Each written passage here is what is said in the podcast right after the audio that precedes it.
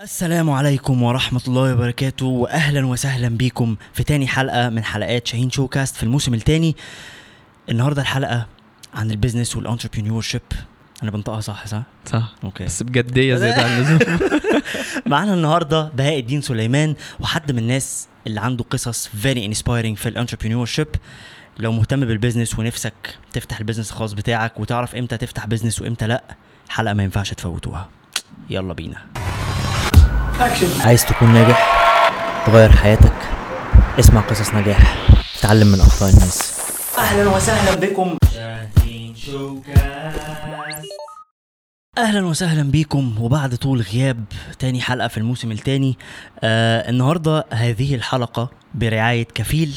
كفيل. وزي ما إحنا طبعا كمان النهارده هنبقى بنتكلم على البيزنس فكفيل واحد من آه ال platforms المشهورة جدا في الحتة آه بتاعة ال freelancing إن أنت لو عندك شغل خاص أو في خدمة معينة بتقدمها آه وحابب تقدمها على آه website فكفيل ممكن يقدم لك الحاجة دي. آه لو أنت حد بتدور على freelancers أو ناس بتشتغل حر في مجالات مختلفة تقدر برضه تخش على كفيل. المفروض يبقى الموقع آه ظاهر لكم دلوقتي على الشاشة ويمكن اتكلمنا عن عنهم كمان في الحلقات اللي قبل كده. آه كفيل آه من المواقع اللطيفة جدا في العالم العربي وطريقة الدفع بتاعة الفلوس تقدر تسحب فلوسك من عليه بشكل ظريف وسهل جدا فودافون كاش وغيره من الطرق الظريفة. آه فلو حضرتك مهتم بال freelancing ممكن تدخل على آه موقع كفيل. الحلقة دي كمان برعاية حاجتي. آه وحاجتي هم platform بيبيعوا حاجات اونلاين زي كارفور كده. هم لسه طبعا ال- ال business لسه بادئ بقاله شوية. ولكن الحقيقة business محترم جدا. والموديل بتاعه من أقوى ال models اللي أنا شفتها في الحتة بتاعه ال- ال online shopping آه بتقدر تشتري الحاجة وال order تقريبا بيوصل لك في خلال ساعة. المفروض إن برضو الموقع يبقى ظاهر لكم دلوقتي على الشاشة. هم لسه طبعا ما بيغطوش مصر كلها ولكن very soon هيبقوا بيغطوا مناطق كتير. تقدروا تخشوا على الموقع وتشوفوا ال experience بتاعه الشراء آه من عندهم. وفعلا ناس أنا أثق فيهم وفي المنتجات بتاعتهم أصدقاء شخصيين ليا آه وناس يعني نحسبهم على خير. المنتجات بتاعتهم محترمة جدا. يلا بينا نبدأ الحلقة. نلبس بقى الكمامة عشان نبص لبهاء. أهلا بيك يا باهي. أهلا يا شيش منورنا النهارده جدا جدا حبيبي. جدا. شكرا على الفطار. آه بالمناسبه يا جماعة الفطار آه، هينزل في ال... في behind the scenes والله. صورت لكم بقى إحنا بنعمل إيه في الناس وهم داخلين وبنعقم الاستوديو إزاي وبنرش الناس وهي داخلة من على الباب. إزاي مركزة. طب إحنا بهاء آه يعني إيه خلينا نبدأ كده الحلقة بتاعتنا. عادة بنبدأ بتعريف للشخص الموجود معانا. بس بدل ما أنا أعرفك هسيب لك المايك تعرف نفسك ما بعرفش قوي يعني بس بالطريقة اللي انت بتحب. تعرف نفسك بيها. طيب أنا اسمي بهاء الدين السيد عبد السلام محمد سليمان. بالله عليك. مشهور آه والله. ناس كتير ما تعرفش دوت أنا ما كنتش أعرف. ف معروف باسم بهاء الدين سليمان يعني. أنا شاب اسكندراني. هلا هلا. وخريج هندسة. خريج 2010 هندسة ميكاترونكس. ويعني المشوار بتاعي كده زي مشوار أي حد في في في, في الجيل اللي هو في خريجين 2010 ده كان على طول قبل الثورة في 2011 فالسوق بتاع العمل ما كانش يعني مستقر قوي. فاضطرينا إن إحنا نخرج بره ال- المعتاد شوية. ده غير إن إحنا أصلا في الفترات دي كنا بن يعني الناس كلها كانت بتعافر برضو في الفترة دي وبتشتغل وهي بتدرس وكده. إحنا طبعا. جيلنا برضو جيل الحمد لله يعني كان. بيشهد آه ظروف اقتصادية صعبة. فكان بيشيل نفسه شوية وبيحاول يشيل نفسه يعني. هو لغاية دلوقتي مش عارف يشيل نفسه بقى. آه إحنا تعبنا من كتر الشيل؟ عايزين حد يشيل معانا بقى دلوقتي. فكنت بشتغل وأنا بدرس. ودي من نعم ربنا عليا يعني ومن الحاجات اللي أنا فعلا آه، آه، حاسس إن هي أثرت كتير في مشواري بعد كده. آه، والشغل يمكن هو اللي, اللي طلع لي سكة تانية غير سكة هندسة. يعني المجال اللي أنا كنت بشتغل فيه وأنا بدرس هو المجال اللي أنا كملت فيه بعد كده. و- ويمكن دي من الحاجات اللي أنا دايما بحب إن أنا بنصح بيها الشباب يعني ان إن محدش بيبقى عارف الخير ليه فين ولا بيبقى عارف إيه أنسب مجال ليه. آه لكن اللي عارف المجال اللي عارف أحسن حاجة ليك هو هو اللي في إيده تيسير الأسباب. فالطبيعي ربنا سبحانه وتعالى مش بيسر لك أسباب غلط أو ما تنفعكش يعني. سبحان. فالبيبان اللي بتتفتح بتكون برضو مناسبة لإمكانياتك وقدراتك وظروفك وكل حاجة. ف ودي دايما بقولها إن أنت يعني وأنا عيل صغير كان نفسي أطلع مهندس. لكن هو ده وأنا عيل صغير. هو أكيد وأنا عيل صغير مش هبقى عارف إيه أحسن حاجة ليا لكن مشيت في خط إن أنا أبقى مهندس فاهمني؟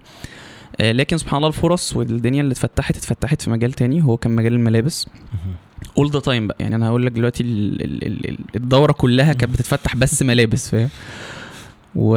وده المجال سبحان الله بعد ما اتخرجت من هندسة. حتى واشتغلت بهندسة لما جيت أختار مجال تاني كان المجال دوت. فاتخرجت فعلا وكان زي ما بقول لك الظروف كانت صعبة شوية. وأنا بي... أول ما اتخرجت طب أنا عايز أشتغل مهندس وأخدت شهادة هندسة بقى. فرحت دورت على شغل في كل شركات الهندسة.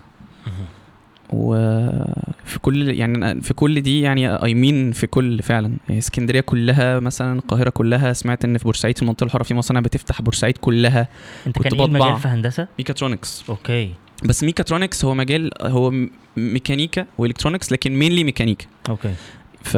فانت بتشتغل يعني برضو مفتوح لك مجال زي ال HVAC مثلا التكييفات مفتوح الأسانسيرات الشركات المحركات ال diesel engines الحاجات دي كلها مفتوحة. حلو. كان يعني تقدر تشتغل في ده. درسته كله درسنا automotive engineering درسنا الحاجات دي كلها. رائع. آه، لكن زي ما بقول لك هو سوق العمل في مصر للمهندسين مش سهل لأن حجم الخريجين كبير جدا. جامعات كل المحافظات فيها هندسة غير طبعا. الجامعات الخاصة غير إن برضه إحنا طالعين من موضة إن أولياء الأمور عايزين ولادهم كلهم يخشوا هندسة وطب. بالظبط. آه، ده نظرا لل... للنظرة المجتمعية الخاطئة آه، للمهندسين والدكاترة وحابب برضه أتكلم عن الموضوع ده بصراحة يعني نبقى نتكلم عليه بعدين عشان ما نقطعش. يس آه، فللأسف ما لقيتش و... وأنا مش من النوع اللي برضو بعرف آه، أقعد في البيت قوي يعني. فكان قدامي إن أنا أقعد في البيت وأفضل أدور و... و... وإني أكمل في الشغل اللي أنا كنت بشتغله أصلا وأنا بدرس. و... ولحد ما تيجي حاجة يعني. فاخترت إن أنا أكمل في المجال اللي أنا كنت بشتغل فيه وأنا بدرس واللي هو كان برضو الملابس.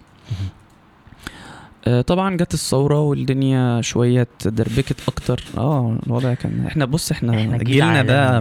ملوش حل. يعني كل ما نا- ناخد نفس كده آه، خد تاني ده اقعد كورونا فاهم. اقعد ثورة. سبحان الله. سبحان الله الحمد لله. ف... فكملت في المجال وبدأت بقى إيه برضو بدور تجيلي مثلا شركة آه، هندسة. يمكن القصة دي محدش كتير يعرفها لكن جات لي فرصة في هندسة في شركة كبيرة جدا في مصر. وعملت ال interviews اللي هي ال written وكل حاجة كانت زي الفل. وبعدين آه، كنت آه، كنت ملتحي أنا ساعتها يعني. ف... دلوقتي إيه؟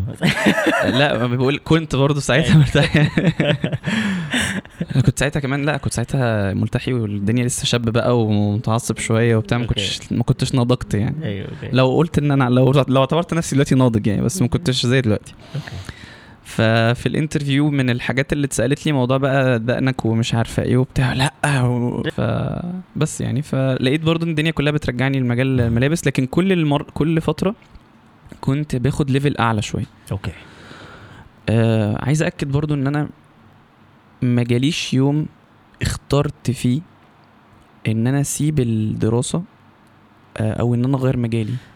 نهائي. ده ثانية واحدة أنت كده خرجت من التعريف. أنت آه. كده عرفت نفسك خلاص؟ لا, لا, لا أنا بس عايز أأكد ده جوه لا ده, السؤال اللي جاي. انت انت انت لا والله. آه والله. إيه ده إيه ده عم تحرقناش أسئلة. عم عرف طيب. نفسك بس لو سمحت. خلاص في حد بيديد طيب. ال interview هنا آه، بس فاشتغلت بقى طبعا كل ما كان بيجي لي فرصة في الهندسة بتحصل حاجة بتوقفني وتتفتح لي فرصة في ملابس لدرجة. إن اتفتح لي فرصة في إيطاليا في شركة إيطالية في اسكندرية بتفتح فرع ليها في اسكندرية بس هتبعتنا إيطاليا نتدرب ونرجع. ونشتغل وبتاع الحمد لله ومشيت فيها. وبعدين مشيت منها وبعدين فتح لي مجال تاني في الملابس برضو. كل ما تتقفل حاجة تتفتح لي حاجة في ملابس بس بقى ملابس إيه؟ برضه ملابس برضو. آه بس لحد ما يعني وصلت لمرحلة إن أنا سبحان الله حسيت إن ربنا كان بيفتح لي البيبان دي كلها عشان ألم شوية عناصر آه وتبلورت معايا شوية ولقيت في جاب في السوق. فحسيت إن أنا المسار اللي كنت بمشي فيه ده كله يعني هو سبحان الله ربنا يعني ما خلقش حاجة عبثا يعني إن كل شيء خلقناه بقدر. ف... ففجأة حسيت إن كل ده كان بيتحضر عشان اللحظة دي فدخلت بقى في اللحظة دي. هي دي كانت بدايتي. بداية ال business بقى إن أنت تفتح business بالظبط. بالظبط. سبحان الله. أنت عارف إيه، أنت أنت قلت أنت سافرت إيطاليا مع الشركة دي وبتاع. يمكن دي السفرية اللي اللي كلت فيها التفاح اسمه إيه اللي إحنا كنا بره ده؟ caramelized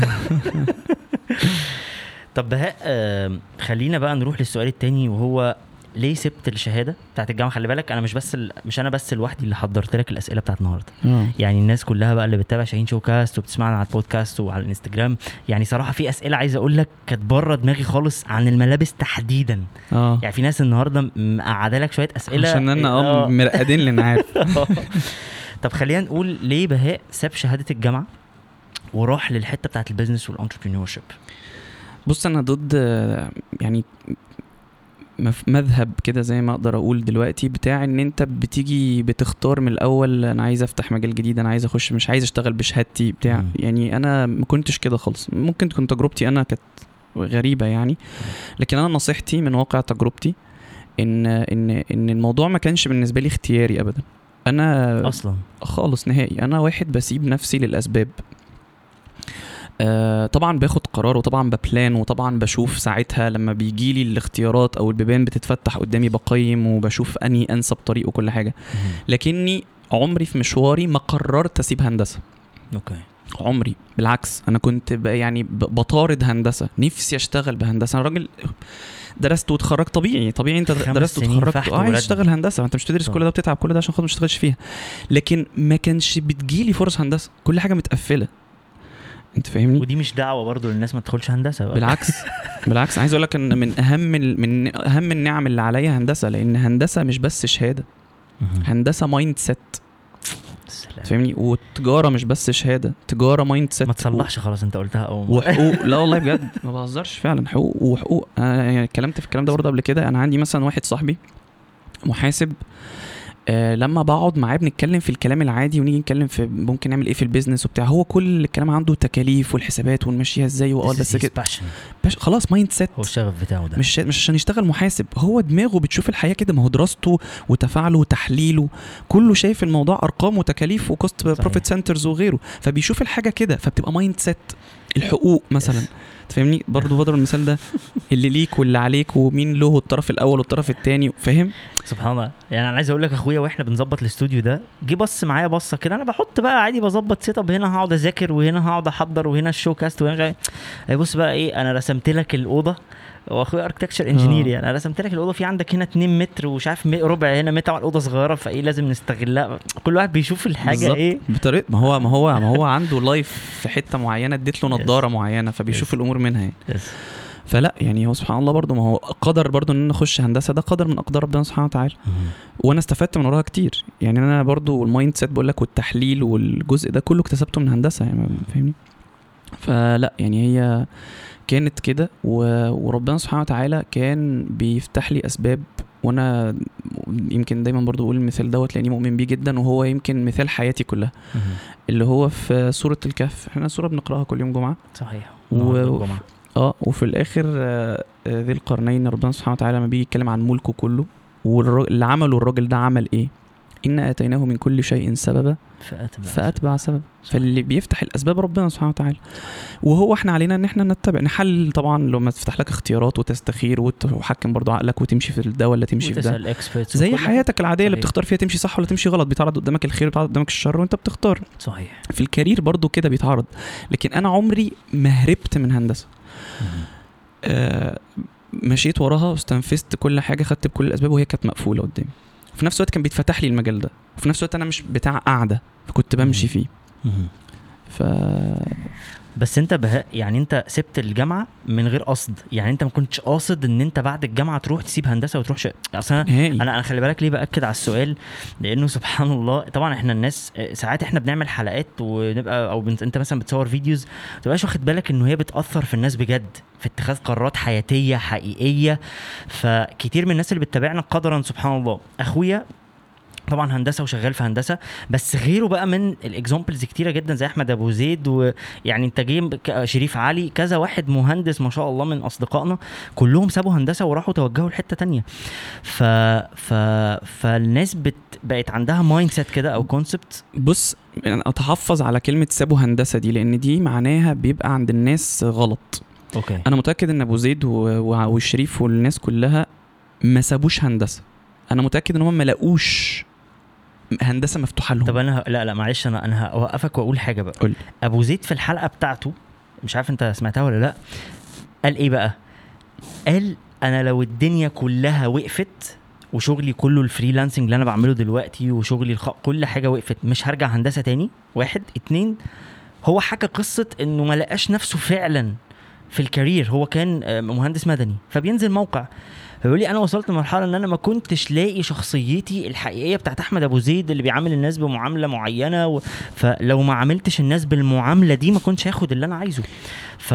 فمي... هو ماشي عن عن قصد وقال ما- مش هرجعها تاني لو الدنيا وقفت. ده باب من بيبان إن هي مش مفتوحة لك برضو. أنا بقول لك إن أنا كان مفتوح لي فترة إن أنا أشتغل بس كنت هتنازل عن حاجة برضو يعني. ف ف ف أوكي. فده من البيبان برضو إن أنت هت يعني ممكن يكون المجال مفتوح بس أنت هتتنازل عن حاجات كتير عشان تشتغل فيه. فدي معناها عندي مقفول. هو مقفول دي يعني مش بس مفيش فرص. أوكي. مقفول دي يعني يعني مش مش مقفول مش يعني. لاقي شخصيتي مش لاقي مش نفسي عارف أمشي مش فيه. فلوس. بالظبط. تفهمني ف nice ده غير إن برضو موضوع إن هو مقفول فيه فرص ده بيخليك تخبط على حاجات تانية عسى إن يطلع منها فرص يعني.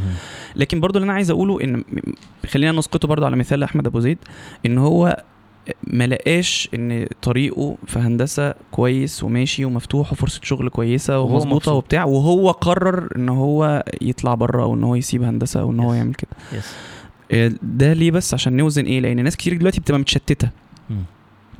اللي هو أنا طب أسيب هندسة؟ طب أسيب طب, أسيب شهادتي وأشتغل حاجة تانية؟ طب أدور على حاجة تانية؟ ومفيش مجال للتشتت أصلا. هو المجال اللي أنت مشيت في الكارير ده فده كان بتوفيق ربنا سبحانه وتعالى بتطلع منه السلم الاتجاه الطبيعي بتاعك إنك بتدور على فرصة شغل فيه. لقيت. فرصة شغل كويسة محقق لك اللي أنت عايزه تمام. خير وبركة. ما لقيتش بتدور على حاجة تانية. بس جاست عشان خاطر إيه؟ نحط آه قالب منطقي. لقياس الاختيارات. أوكي.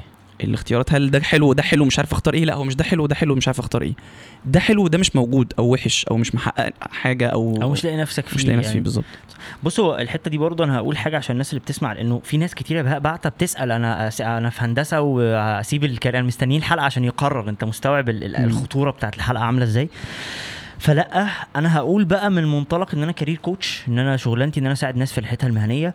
آه لا يا جماعة القرارات في ال business وفي ال career ما بتتاخدش بهذه السهولة أو بالطريقة اللي الناس ممكن تبقى إيه أنا هتفرج على بهاء النهارده وأروح الصبح اخد قرار لأ. آه آه وفي ناس بتجيلي تعمل career coaching طبعا قبل ما يخش يختار الكلية وهو في الكلية في shift ال career أو يلاقي شغلانة تانية إزاي؟ الأصعب بقى لما بيجي لي حد بقى له 20 سنة في ال career و manager دلوقتي في شركة كبيرة أو ايا كان وياخد فلوس كويسة جدا بس هو مش لاقي نفسه. دي بتبقى أصعب case بالنسبة لي طبعاً. بتحط عليا أنا pressure شخصيا وأنا شغال معاه. فلا أنت لو في فرصة تروح ل coach من دلوقتي روح. لو في فرصة تقعد مع حد expert تتكلم معاه. يعني بلاش تاخدوا الموضوع المواضيع اللي زي دي. أنت بتتكلم على رحلة حياة. يعني أنا بالنسبة لي شغلانتي في ال career ك career coach زي ال life coach بالظبط. ده هيديك هيساعدك تاخد قرار غلط فتلبس في الحيط في حياتك وأنا هساعدك تاخد قرار غلط فتلبس في الحيط في كاريرك. فتفضل طول عمرك شغال شغلانة مش طايق نفسك فيها. بالظبط. طب خلينا بهاء نروح لحتة تانية كده آه، بص السؤال ال- اللي ما يجيش على هواك قول لنا شيله يا شاهين في المونتاج على طول. مش هيحصل إن شاء لأنه في الله. أسئلة عنيفة بجد يعني. لا لا عادي. آه، يعني في سؤال الصراحة أنا شخصيا نفسي آه، أسمع إجابته بس مش أنا اللي كاتبه كله يعني. دوتس كانت واحدة من أحلامك؟ وواحدة من أحلى الأماكن اللي أنا شخصيا قعدت فيها الحقيقة وكنت واخد فيها مكتب لشركتي و campus و...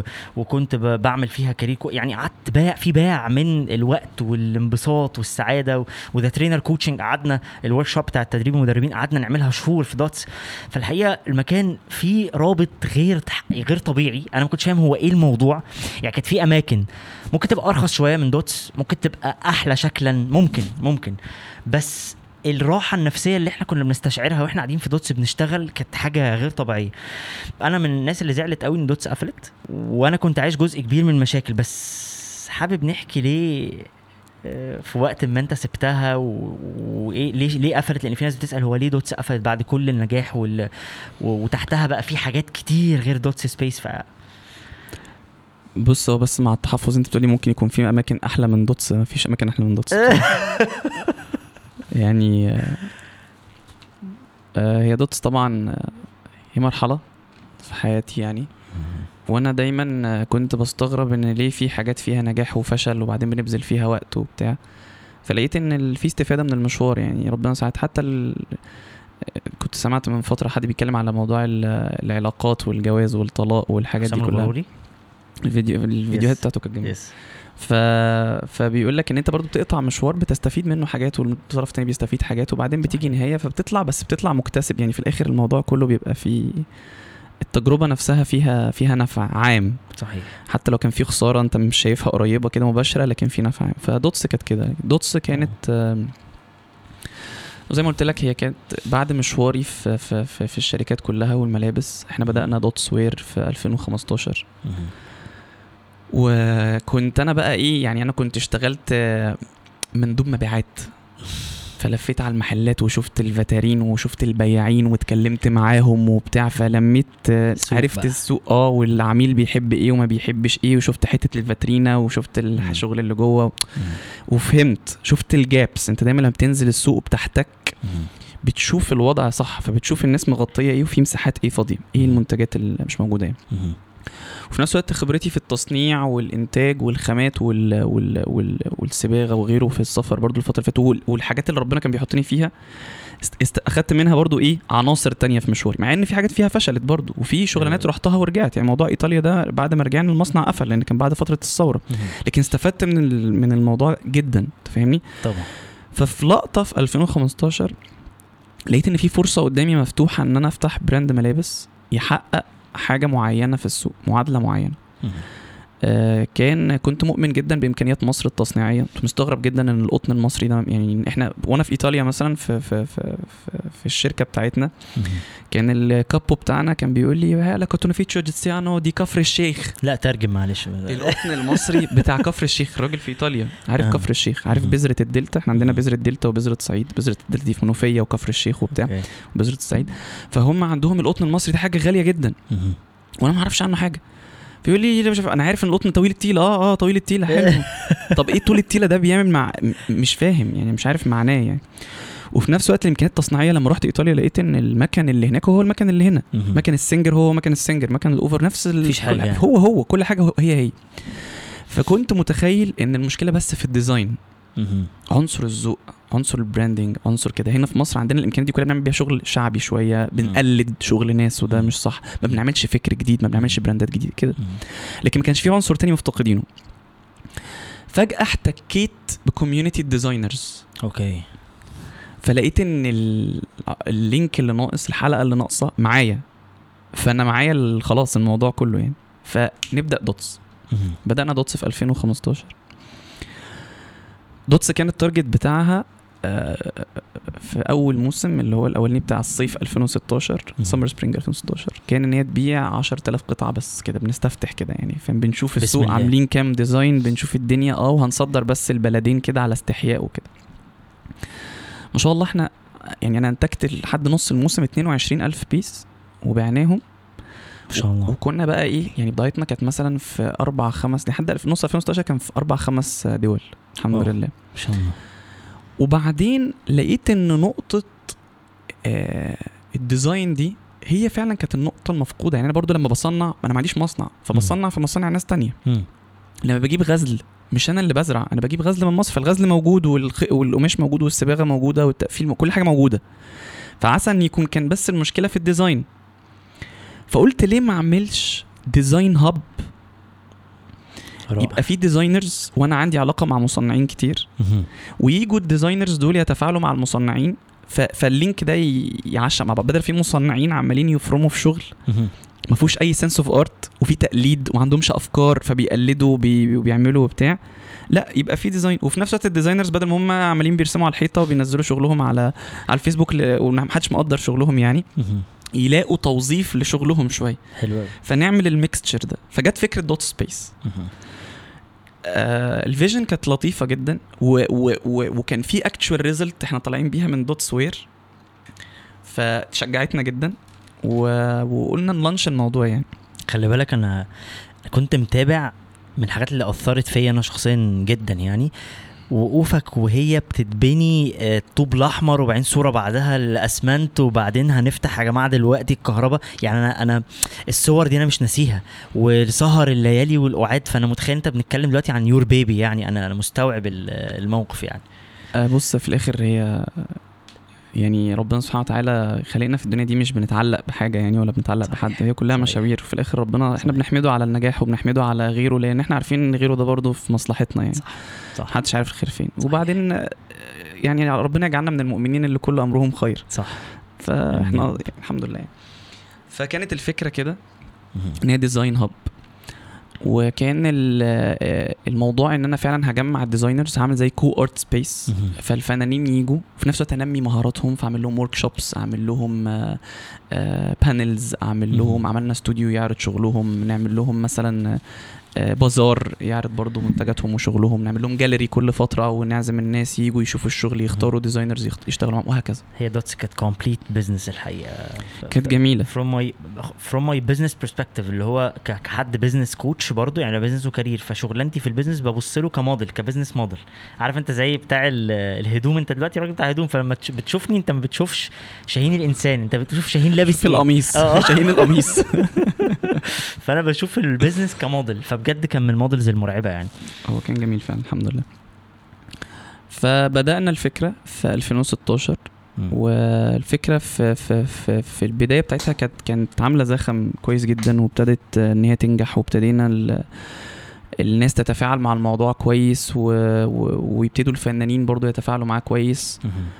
وبدأنا نطلع نشاطات تانية وعملنا استوديو للتصوير وعملنا store عشان خاطر نبيع منتجات الناس اللي مش لاقية مكان. كان برضو حاجة بتغيظني جدا إن في منتجات جميلة يعني بخش أي مول مثلا آه بلاقي بس برشكا و Pull and Bear وزارة وبتاع. مفيش تم مفيش تمثيل لل local brands بطريقة كويسة. شكل حلو. yes وفي نفس الوقت في حاجات handcrafts بقى الحاجات الجلد والشنط والاكسسوارز ومش عارف الحاجات اللطيفة دي برضو مش معروضة في المولات دي. مفيش مكان بيعرضهم مع إن الناس اللي بيعملوهم بيعملوهم بطريقة كويسة في حاجات. منتجات كويسة.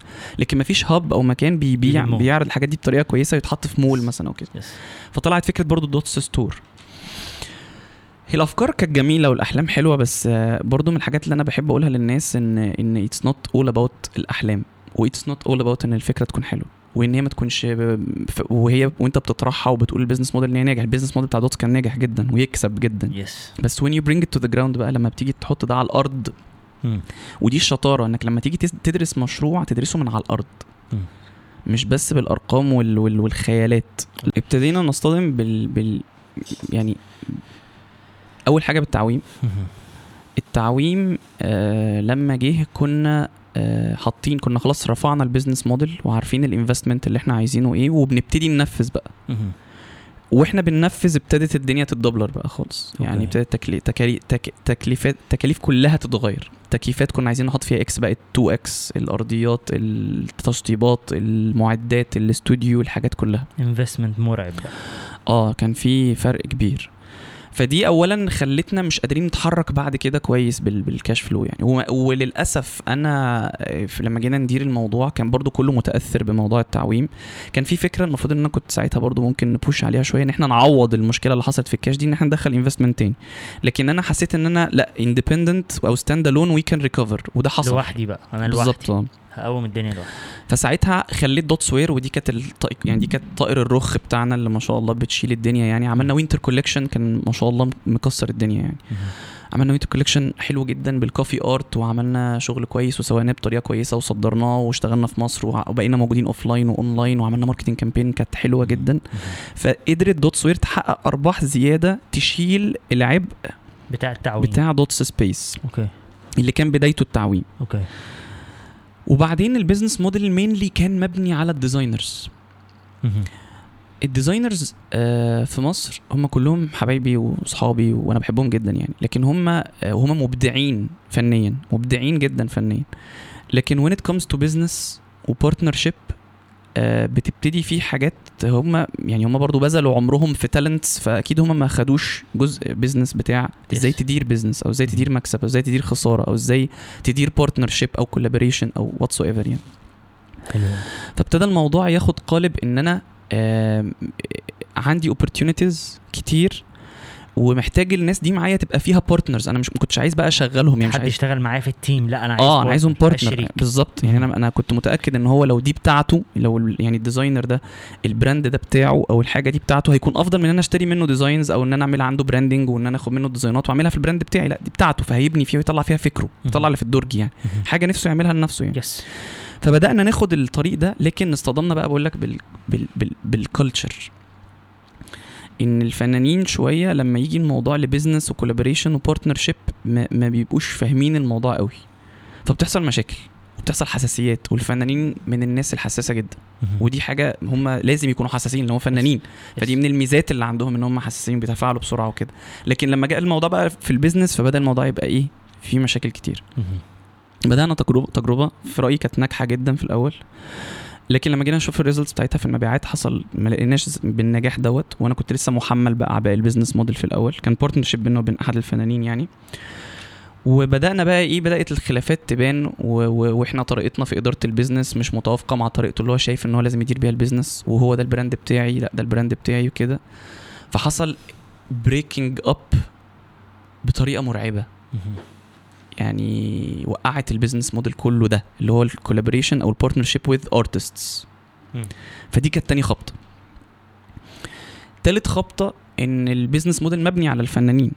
فالفنانين تفاعلوا مع الشخص دوت اللي هو كان فنان برضو كان مشهور جدا في ال business بطريقة برضو إيه أثرت على ال business model تاني. okay.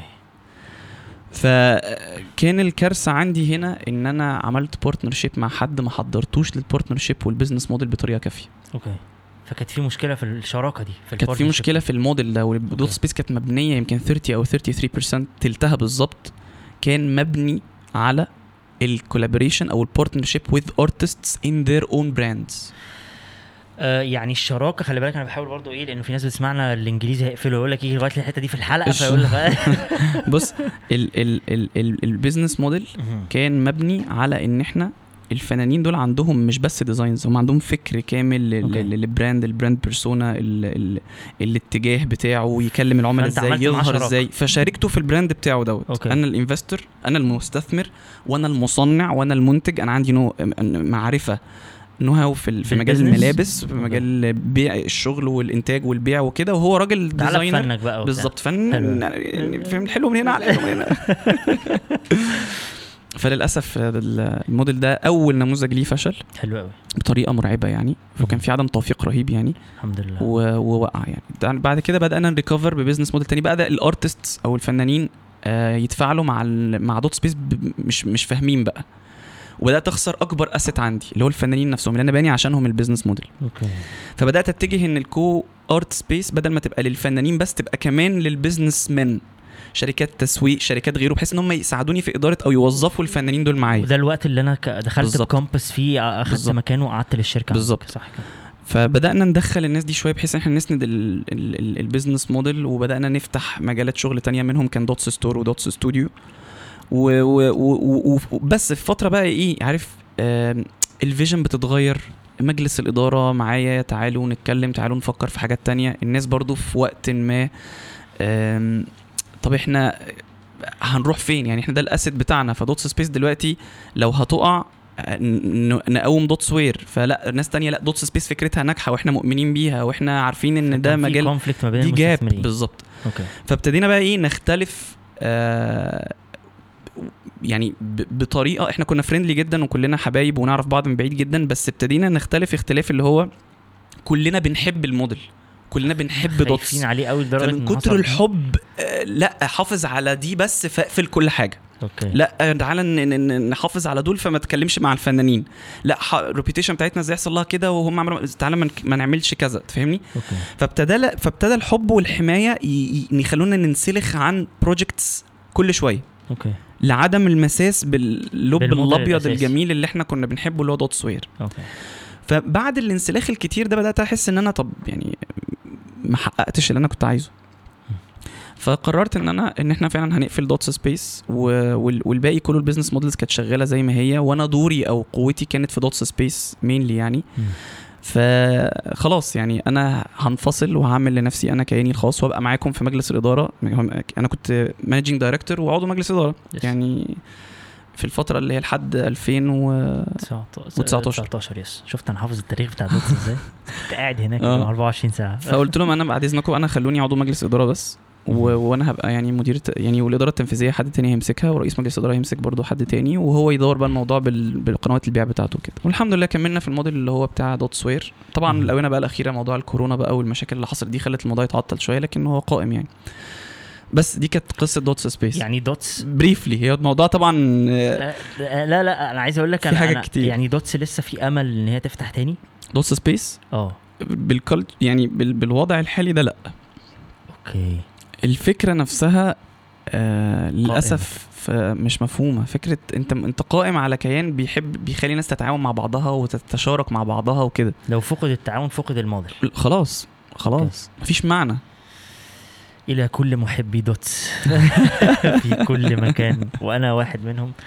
فلندعو لل business model منورنا باهي و... و... وزي ما قلت لك لو في أي أسئلة إيه عنيفة بص أنا قلت لك ما. تقولش الأسئلة وفاجئني بيها. صح هو طلب جدا فعلا لا ف- قبل الحلقة والله. آه فيعني أنا مستعد للمفاجآت. ب- طبعا الإجابات مش متحضرة الحمد لله بس يعني هتكلمني هتلاقيني بجاوب بتلقائية يعني. لو إحنا أسئلتنا برضو في شوكاست يعني مش إيه مش صعبة وأنا قوي والله أنا هحاول هي- أكون صادق جدا لأن أنا ما يهمنيش ابدا إن أنا أخبي معلومات لحاجة معينة على قد ما نفسي الناس تستفيد. ويا رب يعني أو يا رب كل تكون مثلا الحلقة دي كلها غلطاتي عشان الناس تشوف غلطاتي فما تكررهاش. أودي الناس shortcuts فيعني. هحاول والله إن أنا أكون صادق جدا. وفعلا أنا يعني ربنا بس يتقبل إن دي تكون نصح آه، بإخلاص. ربنا يرزقنا الاخلاص آمين. للشباب عشان ما يكرروش الغلط تاني. بس.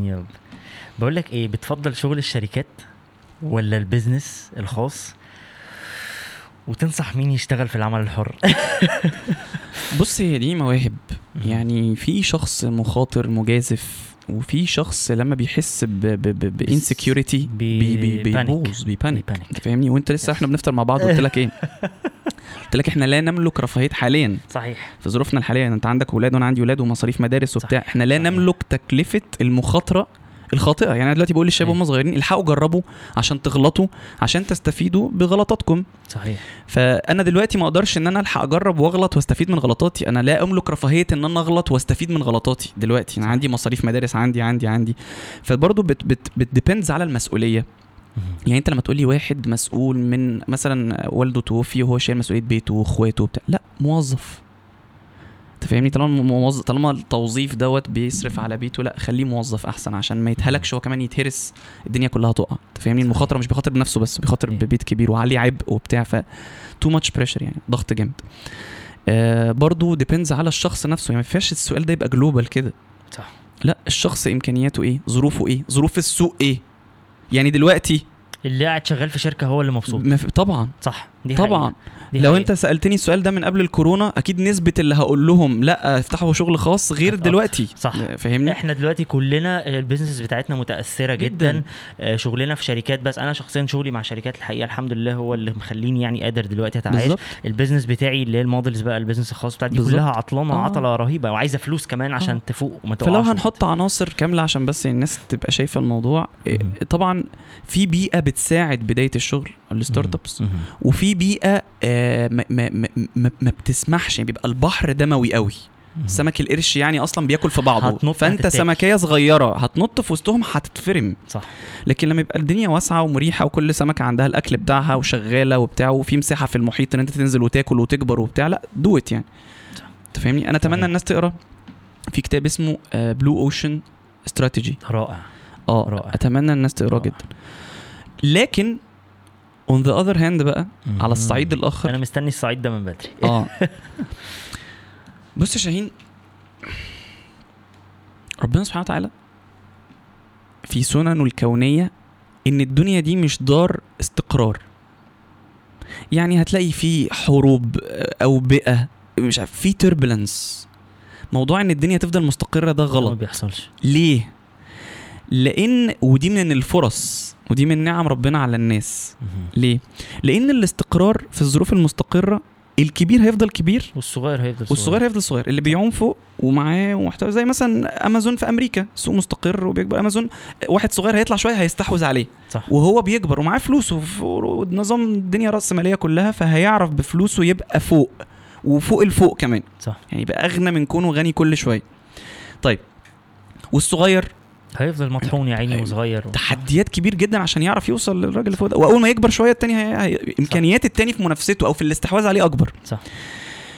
لما بيحصل turbulence ترجم عشان الناس اللي لما بتسمعها. بيحصل turbulence يعني توتر؟ آه، تغير؟ آه يعني حصل تربنة يا جماعة حلوة دي. بالله عليك حلوة. بالله عليك تمشي. والله. تمشي ماشي. لما يحصل تربنة كده في ال فلما بيحصل آه، آه، عدم استقرار. صحيح. آه، اللي فوق ممكن يقع.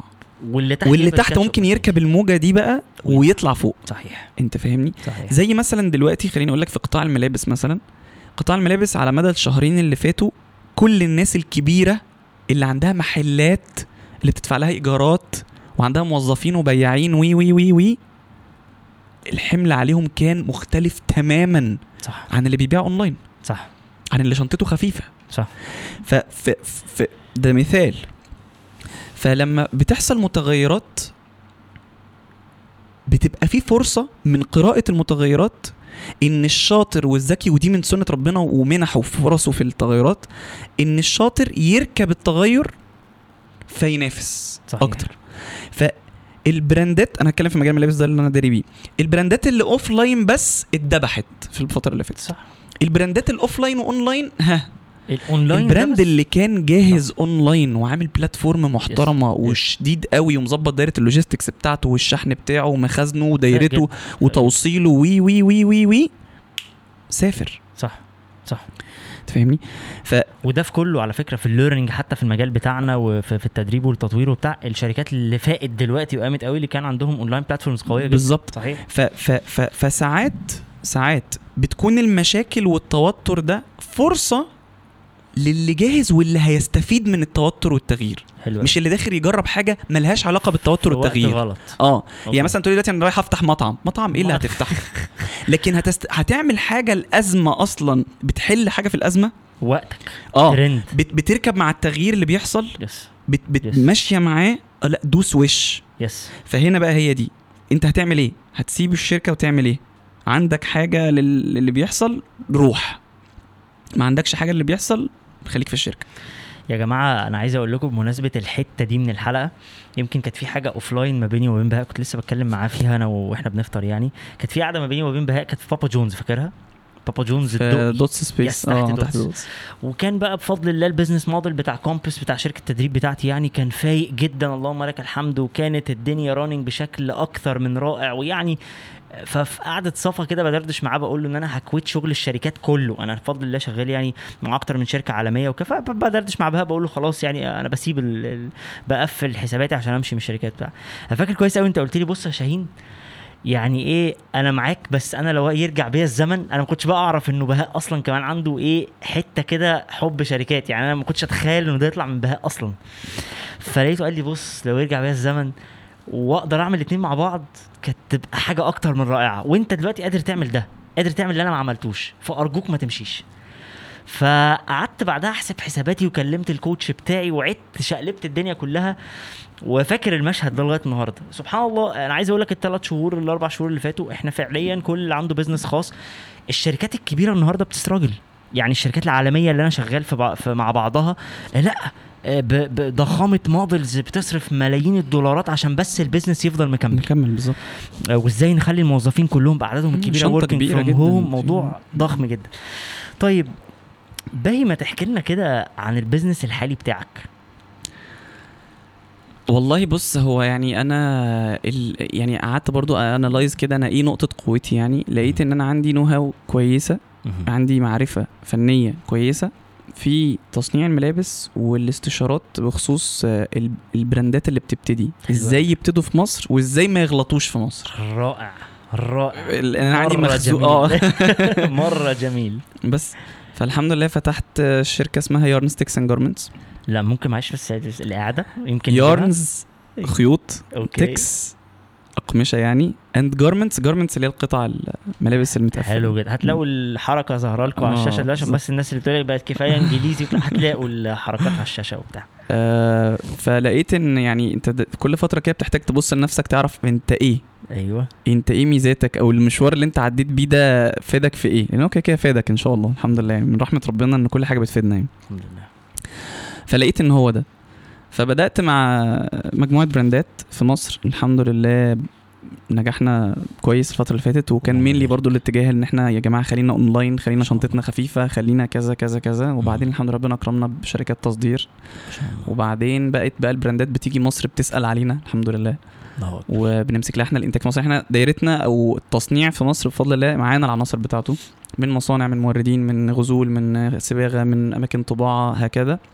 وفي نفس الوقت عندنا رؤية لل لل لل product يبقى عامل إزاي لل brand ال- ال- ال- المنتج يبقى عامل إزاي ال brand يبقى شكله عامل إزاي تسويقه يبقى عامل إزاي القيم اللي فيه الحاجات دي كلها الحمد لله من حبنا يعني في في في في. اللي إحنا كنا بنعمله قبل كده يعني. فبقت البراندات كلها بتاعتنا. ف يعني دلوقتي أنا بقول لك حاسس إن البراندات دي كلها Dots. سبحان الله مش لازم اكون امتلكها يعني مش لازم اكون سبحان امتلكها فدلوقتي أنا شغال مع 19 brand الله أكبر. آه، منهم آه، في مصر ومنهم في أمريكا ومنهم في إنجلترا ومنهم في السويد في اسكندنافيا.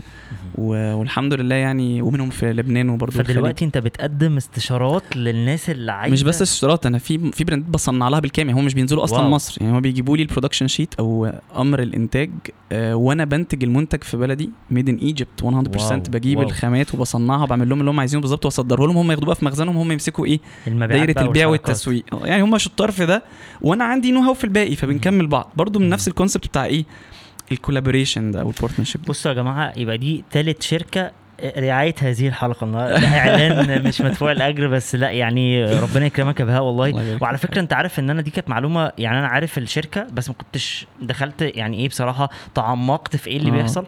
فاتبسطت إنه حسيت اللي هو إيه سبحان الله أنت ربنا الفترة اللي فاتت دي كانت الابتلاءات في ال business ودوتس وغيره عشان دلوقتي تبقى أنت أصلا بقى شغال في حتة تانية. سبحان الله برضو ابتلاء ربنا سبحانه وتعالى دايما خير. بص يا شاهين لو في حاجة هقسم عليها هتكون إن مفيش حاجة ربنا بيقدرها غير والله للخير. حق يا أخي حق والله. مهما كانت والله وأنت في نصها بتبقى شايف بس الأسود اللي فيها. صح والله صح. ووالله بتطلع بعد كده لو بس تفكرت في كل مرحلة سودة عدت عليك كده بس بإنصاف.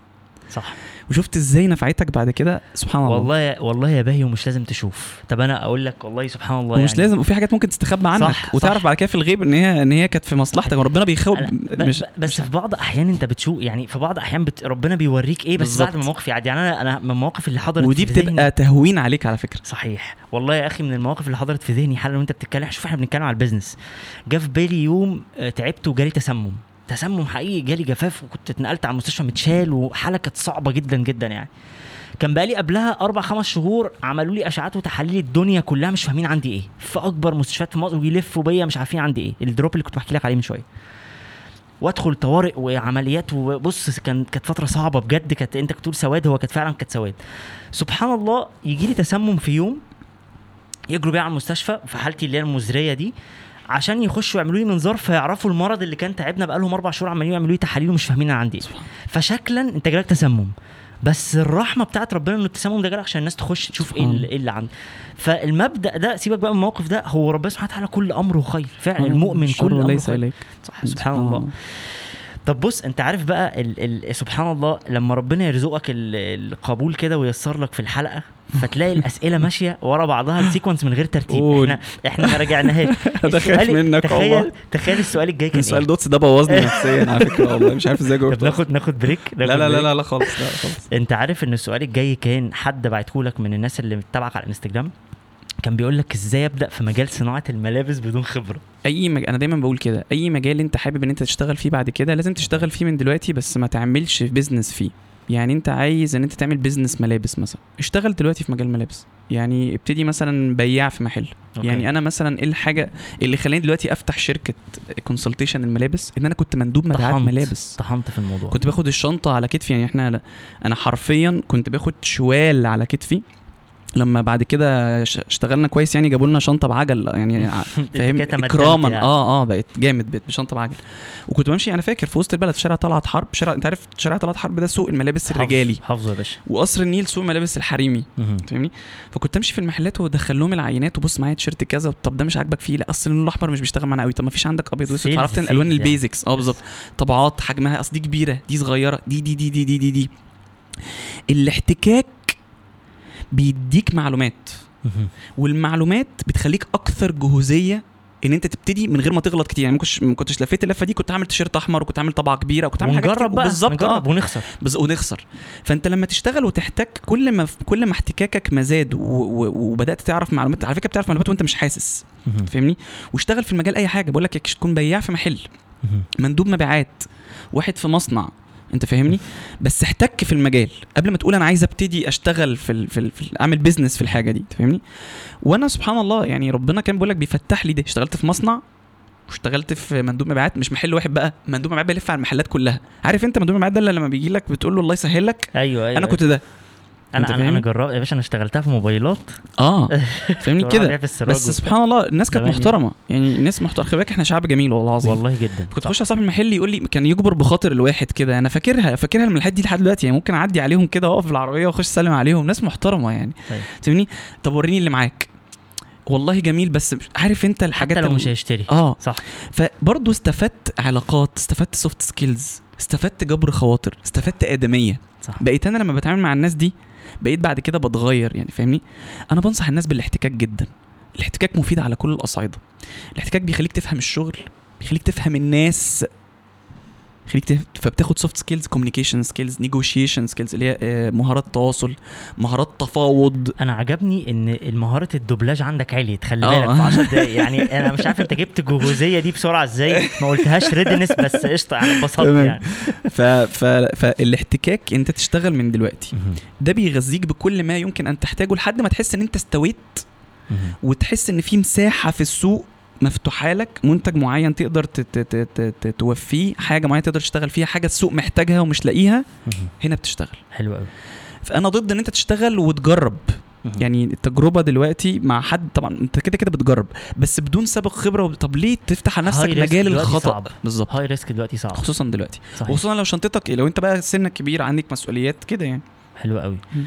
طب بهاء آه، بتكمله السؤال بتاع إزاي أبدأ في مجال صناعة الملابس ده؟ أنت جاوبته حالا. هل في دراسة؟ عشان كان في حد يسأل هل لا، لا في. دراسة ممكن أدرسها ولا هو بقى ال- بص هو في دراسة في حاجات معينة. يعني ممكن مثلا اللي عايز ياخد باترون أنت عارف الباترون اللي هو القص بتاع الحتة القطعة أنت بتجيبها قماش؟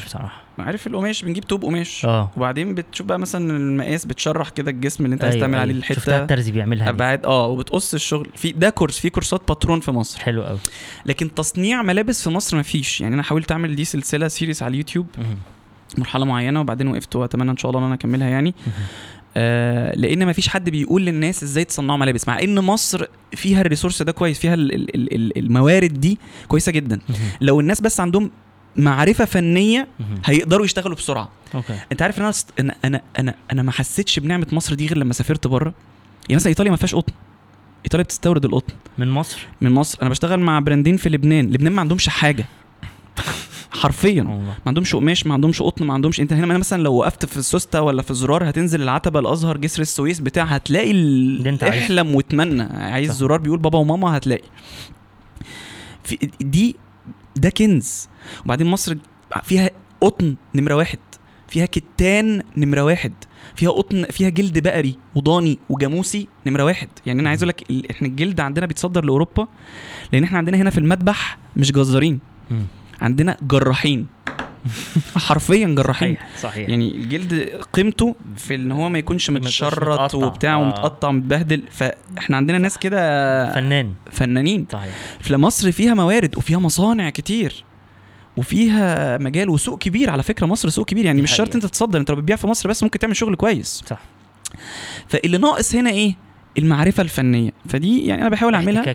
لكن لو أنا. آه بالظبط. هتعرفها أنت بقى إزاي من الاحتكاك والشغل والمشاكل وبتاع؟ بتلم أنت بقى ال knowledge دي المعرفة دي.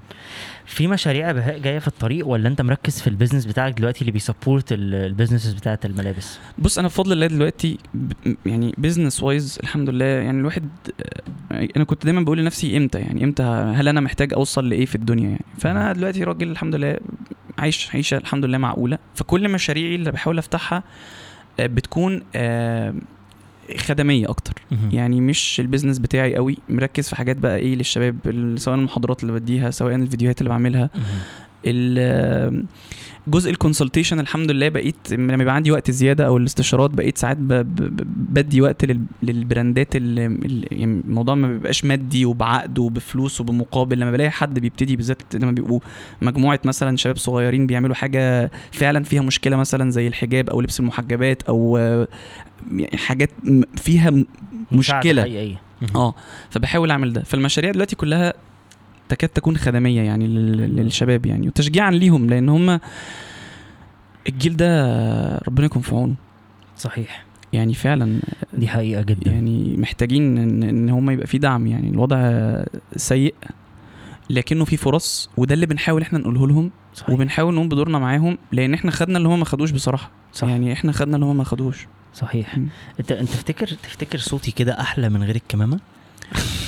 والله يا شاهين بص يعني أنا أنت أصلا قدامي بالكمامة أنا خايف. ليه يا عم؟ متوتر؟ أصلا. لا لا شفتوا يا جماعة الكمامة بتبقى عاملة إيه؟ بس أنا بتهيألي الرذاذ مش هيعدي يجي لك الناحية التانية صح؟ يعني الرذاذ بيجي في المايك. أنا كده كده بعق بغسل المايك. مش عايز أقول لك المايك لو باظ أصلا هترزع أنا مبلغ مش خايف بس على نفسي على قد ما خايف عليك. أنت الله خوفتني بموضوع المناعة ده والله فأنا خايف. أنا لا، خايف لا، عليك لا، فعلا. يعني أنا عايز. أقوم ألبس كمامة لأن أنا عارف إن الكمامة دي عشان ما اضركش أنا باخد أنا باخد باخد بالأسباب والرش اللي أنا رشيته لك في بقك أو ما آه دخلت من الباب ده بس أنا يعني عارف إن في الآخر ربنا سبحانه وتعالى اللي كاتبه لنا هنشوفه أيوه طبعا بس بتاخد بالاسباب طبعا طبعا أنت آه. ممكن الكورونا تجي لك في delivery. ال order الوحيد اللي طلبته كل ثلاث آه. شهور تيجي لك فيه اللي بتاع طب آه، بحيث إن أنت استنى بقى نلبس عشان الصوت يفضل بالكمامة بحيث إن أنت حد يعني من الناس اللي عاشت آه، بخبرتك كده في في ال business يعني إيه أكتر التحديات اللي واجهت بهاء فعلا. يعني إيه أكتر التحديات اللي فعلا واجهتك؟ ويمكن لما حد يسمعها وداخل وهو داخل على ال business يبقى على الأقل فكر فيها فيبقى مؤهل نفسيا للي هو داخل عليه. يعني يعني واحد زي فتح business التاني اتشقلب شوية في شوية businesses اشتغلت في أكتر في شركات وحاجات من دي. أنت حياتك بص هو أكبر تحدي الحتة دي. بصراحة كان المتغيرات ومواكبتها. إحنا في, في يعني انت بتقول لي شفت الكتاب الكتاب أنا شايله لك معايا من من فبراير مثلا. الله يحفظك. فبراير 2020 انت متخيل كم الأحداث اللي حصل من فبراير 2020 لحد يونيو أنت 2020 ابديت الكتاب أصلا. آه فاهم؟ اوبئه وامريكا وفاهم وثورات بتحصل. و... ف دلوقتي آه، إحنا في زمن فيه متغيرات سريعة جدا. أكبر تحدي لأي business دلوقتي هو مواكبة المتغيرات واستقرائها فعلا والاستفادة منها. والتحديات اللي بتقابله في ال business بتاعه هو. يعني سرعة التفاعل مع التحديات. يعني هو الواحد دلوقتي للأسف بيبقى متخيل إن هو يفتح business معين والدنيا هيدورها بالطريقة الفلانية وال operations بتاعت ال business كده والتشغيل كده وبتاع وخلاص الدنيا هتشتغل. الواقع دلوقتي بيقول غير كده. إن في حاجات داخليا عندك مش هتشتغل كويس وفي ظروف خارجية أنت مش عامل حسابك عليها برضه مش هتشغل ال business كويس. مين اللي بيكمل ومين اللي بيشتغل صح وبتاع؟ ال- ال- سريع الاستجابة واللي مش جامد.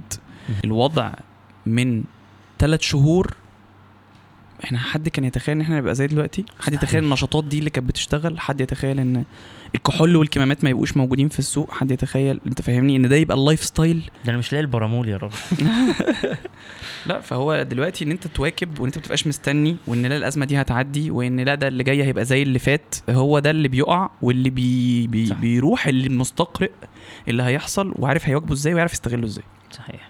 طب بمناسبة الاستقراء ال business وبتاع وإيه يعني في ناس بعتلك سؤال بقى إيه جاي special order يعني. إيه أكتر ال businesses من وجهة نظرك اللي ممكن نستثمر فيها في الوقت الحالي؟ أنا بالنسبة لي كل الحاجات اللي بتقدم حلول اونلاين. دلوقتي طبعا. آه، دي أول حاجة ما فيهاش كلام يعني وإن أنت ال ال ال securing بتاع آه، مشاكل الكورونا دلوقتي مكملة. يعني يعني إحنا موضوع الوباء ده مش هيخلص. يعني أنا ممكن أبيع كحول؟ أكسب؟ ال online platforms. Mainly بتحل دلوقتي مشاكل كتير جدا. يعني مثلا لما إحنا جينا ال- اللي بيحصل في أمريكا مثلا قبل موضوع جورج فلويد ده لما يحصل أمازون بدأت مبيعاتها تتضاعف ثلاث أضعاف. yes وال offline بدأ يتقفل. صحيح. والناس اللي بتشتري الحاجات ال offline دي لسه بتشتري ولسه محتاجة الحاجات اللي بتشتريها. غير أونلاين. بس مش عارفين ينزلوا يجيبوها. صحيح. فأول حاجة أنت لو عملت satisfaction لل needs بتاعت الناس اللي محتاجينها كانت offline وعملتها لهم offline دي دي ده, ده أول حل. عملت لهم اونلاين آه. آه آسف. الحاجات اللي كانت offline وعملتها لهم اونلاين دي صحيح. دي أول حل. حلو قوي وفكر في حاجات بقى إيه ما تكونش يعني مش مش مش مش بس زي الناس اللي بتقدم خدمات الدليفري للأكل اللي هي بقت applications كتير. مش الناس اللي بتقدم برضو موضوع آه، آه، يعني أكل ودواء وصح بقى موجود. الدليفري دلوقتي بقى بس- كله بيفكر في بس الحاجتين دول. still يا بهاء بتهيألي ال- ال market بال needs بتاعت إن الناس كلها راحت إجباري لده. فأعتقد لسه ال market فيه need كبيرة قوي. يعني أنا بكلمك. من من business model perspective إنه ال needs بتاعت ال business model ده شكله عامل إزاي دلوقتي. فأعتقد إحنا لسه still ال market محتاج. حتى لو فتح حد فتح مطعم اونلاين فتح آه، حاجة بتبيع دواء حاجة يعني. بص يا شاهين ال business أساسه أساسه الفكرة. حلو. أساس ال business الفكرة. حلو. خليني أضرب لك مثال. صحيح. ممكن أضرب لك مثال؟ طبعا. المثال ده أنا بقوله في أنا بعمل ورشة اسمها ال idea generation و idea evaluation و business concept والمثال ده أنا بقوله على طول. ليه؟ عشان أنا بحب ورق العنب. من الآخر. وأنا ماشي؟ كمان. بحبه جدا. مثال بقى بيقول إيه؟ في واحد ده شاب actually موجود عايش معانا. أنت خضتني على فكرة لما قلت ورق العنب. ليه؟ أنا ال workshop بتاع the trainer coaching كلها ورق عنب. كلها ورق هو عنب. إحنا بص إحنا. جيلي كله مضروب بالنار. ال design ال- ال- ال design map بتاعت الكورسز كل كل ال rounds؟ خدت ورق عنب فاهم؟ طيب. المثال ده موجود actually actually هقول لك القصة. دي معظم الناس برضو عارفاها يعني في في في ال- في الموضوع ده بالذات. بس هي بتقرب المسافة شوية عشان الناس تفهم ال concept بتاع فكرة ال business إيه. في شاب أمه فهو من دورنا كده أو هو أصغر مني بحوالي سنتين ثلاثة فأمه من دور أمهاتنا كده. عارف أنت الستات الكبيرة دلوقتي بركة كده وبتحس بجيرانها وبتاع. لحد دلوقتي للأسف في جيران ما نعرفش أساميهم يعني. صحيح. هي حاسة بجيرانها ومشاكل جيرانها وفلانة وفلان وبتسأل عليهم وإيه وكل حاجة. وأم صاحبنا ده بتعمل ورق عنب زي الفل. جميل. حلو؟ جميل. ففي مرة راحت عاملة حلة ورق عنب كده وراحت قالت له إيه؟ انزل نزلها لمدام فلانة. في الدور التالت. صاحبنا ده ساكن في الدور السادس. جميل. فالمهم إيه نزل وبتاع راح منزل لفلانة دي إيه حله ورق عنب الست قعدت تشكره وبتاع متشكره وشكر لي ماما ومش عارفة إيه وكده. فطلع سأل مامته فمامته قالت له إن الست دي زوجة عاملة. يعني إيه زوجة عاملة؟ زوجة عاملة يعني ست متجوزة عندها مسؤوليات بيتها وفي نفس الوقت بتشتغل. حلو جدا. وعندها بنوتة كده صغيرة. فهي بتصحى الصبح تلبس بنتها وتصحي جوزها وتحضر الفطار لبنتها وجوزها وتنزلهم شغلهم وحضانتها شغل وحضانتها وبعدين هي تنزل تروح تشوف شغلها وبعدين ترجع تحضر إيه؟ الأكل. الأكل. عشان خاطر هم جايين إيه؟ ياكلوا. أنت فاهمني. فطبيعي إن هي تعمل أكل إيه؟ مكرونة وبانيه مثلا سلطة بطاطس محمرة كده يعني فاهمني؟ فمش تعمل ورق عنب. أكيد. فهي يعني بقى لهم كتير ما كلوش ورق عنب. حلو؟ فمين اللي حست بيهم؟ أمنا الجميلة دي. تمام؟ فنزلت الحلة والست طبعا اتبسطت وبتاع. فهم جيت بقى مين جوزها؟ فجوزها طبعا ربنا يبارك لها وشم بقى ريحة ورق عنب قال لك أنا دخلت بيت غلط فاهم. فالمهم إيه راحت الست دي راحت عاملة post كده لطيف وقعدت تشكر أم ال- والجيرة والمصريات وشوفوا يا جماعة الأهل والعشرة وصورت ورق العنب وبتاع مش عارفة إيه وكده. فناس كتير عملت comment أكيد برضو زمايلها مم. في الشركة. هي عندهم في ال friends list اللي هم برضو أكيد زوجات عاملات وأكيد برضو يعني آه. إيه؟ فالولد ده راح عامل إيه؟ سأل مامته عشان تعرف إن هو ملوش أصلا علاقة بالمجال يعني مش فاهم حاجة. قال لها ماما هو انت لما تعملي ورق العنب كده حلة وحد يسخنها بتبقى بنفس طعامة الأكل بتاعك كده كأنك لسه طبخاه بتاع ف... فقالت له آه. فقال لها طب يعني لو يعني لو مثلا مكرونة بالبشاميل مش عارفة أو ام علي قالت له أي حاجة. طب السمبوسة طب الممبار كله. حلو. فراح عامل إيه؟ بدأت أمه كل ما تعمل أكل يقوم مصوره. بتليفونه. حلو. بتليفونه. جميل. ماشي؟ وراح عامل صفحة على الفيسبوك ببلاش. جميل. وراح قاعد مع أمه كده ومسعر الدنيا كده. ورق أنا بيكلفك قد إيه ورق قد إيه رز قد إيه فاهمني؟ وأنت أنا هشاركك بس أنا عشان شايل حمل كبير فأنت 10% وأنا 90% مثلا يعني. يعني سرقه علني إحنا مستغلين جدا يعني. حلو. وراح منزل الصفحة دي وراح مخاطب الناس اللي عندهم المشكلة دي. بص يا شاهين أنا دايما بقول إن ربنا سبحانه وتعالى خلقنا آه ناس عندها resources وناس عندها needs. فال business models هي اللي بتماتش اللي في النص. تلتقي في النص بقى اللي هي بتوفي بين الناس اللي عندها resources والناس عندها. needs طلبة عايزين يتعلموا ومدرسين تطلع مدرسة. ناس عايزين يتعالجوا وفي ناس عندها علم الطب والدكاترة تطلع مستشفى أو عيادة.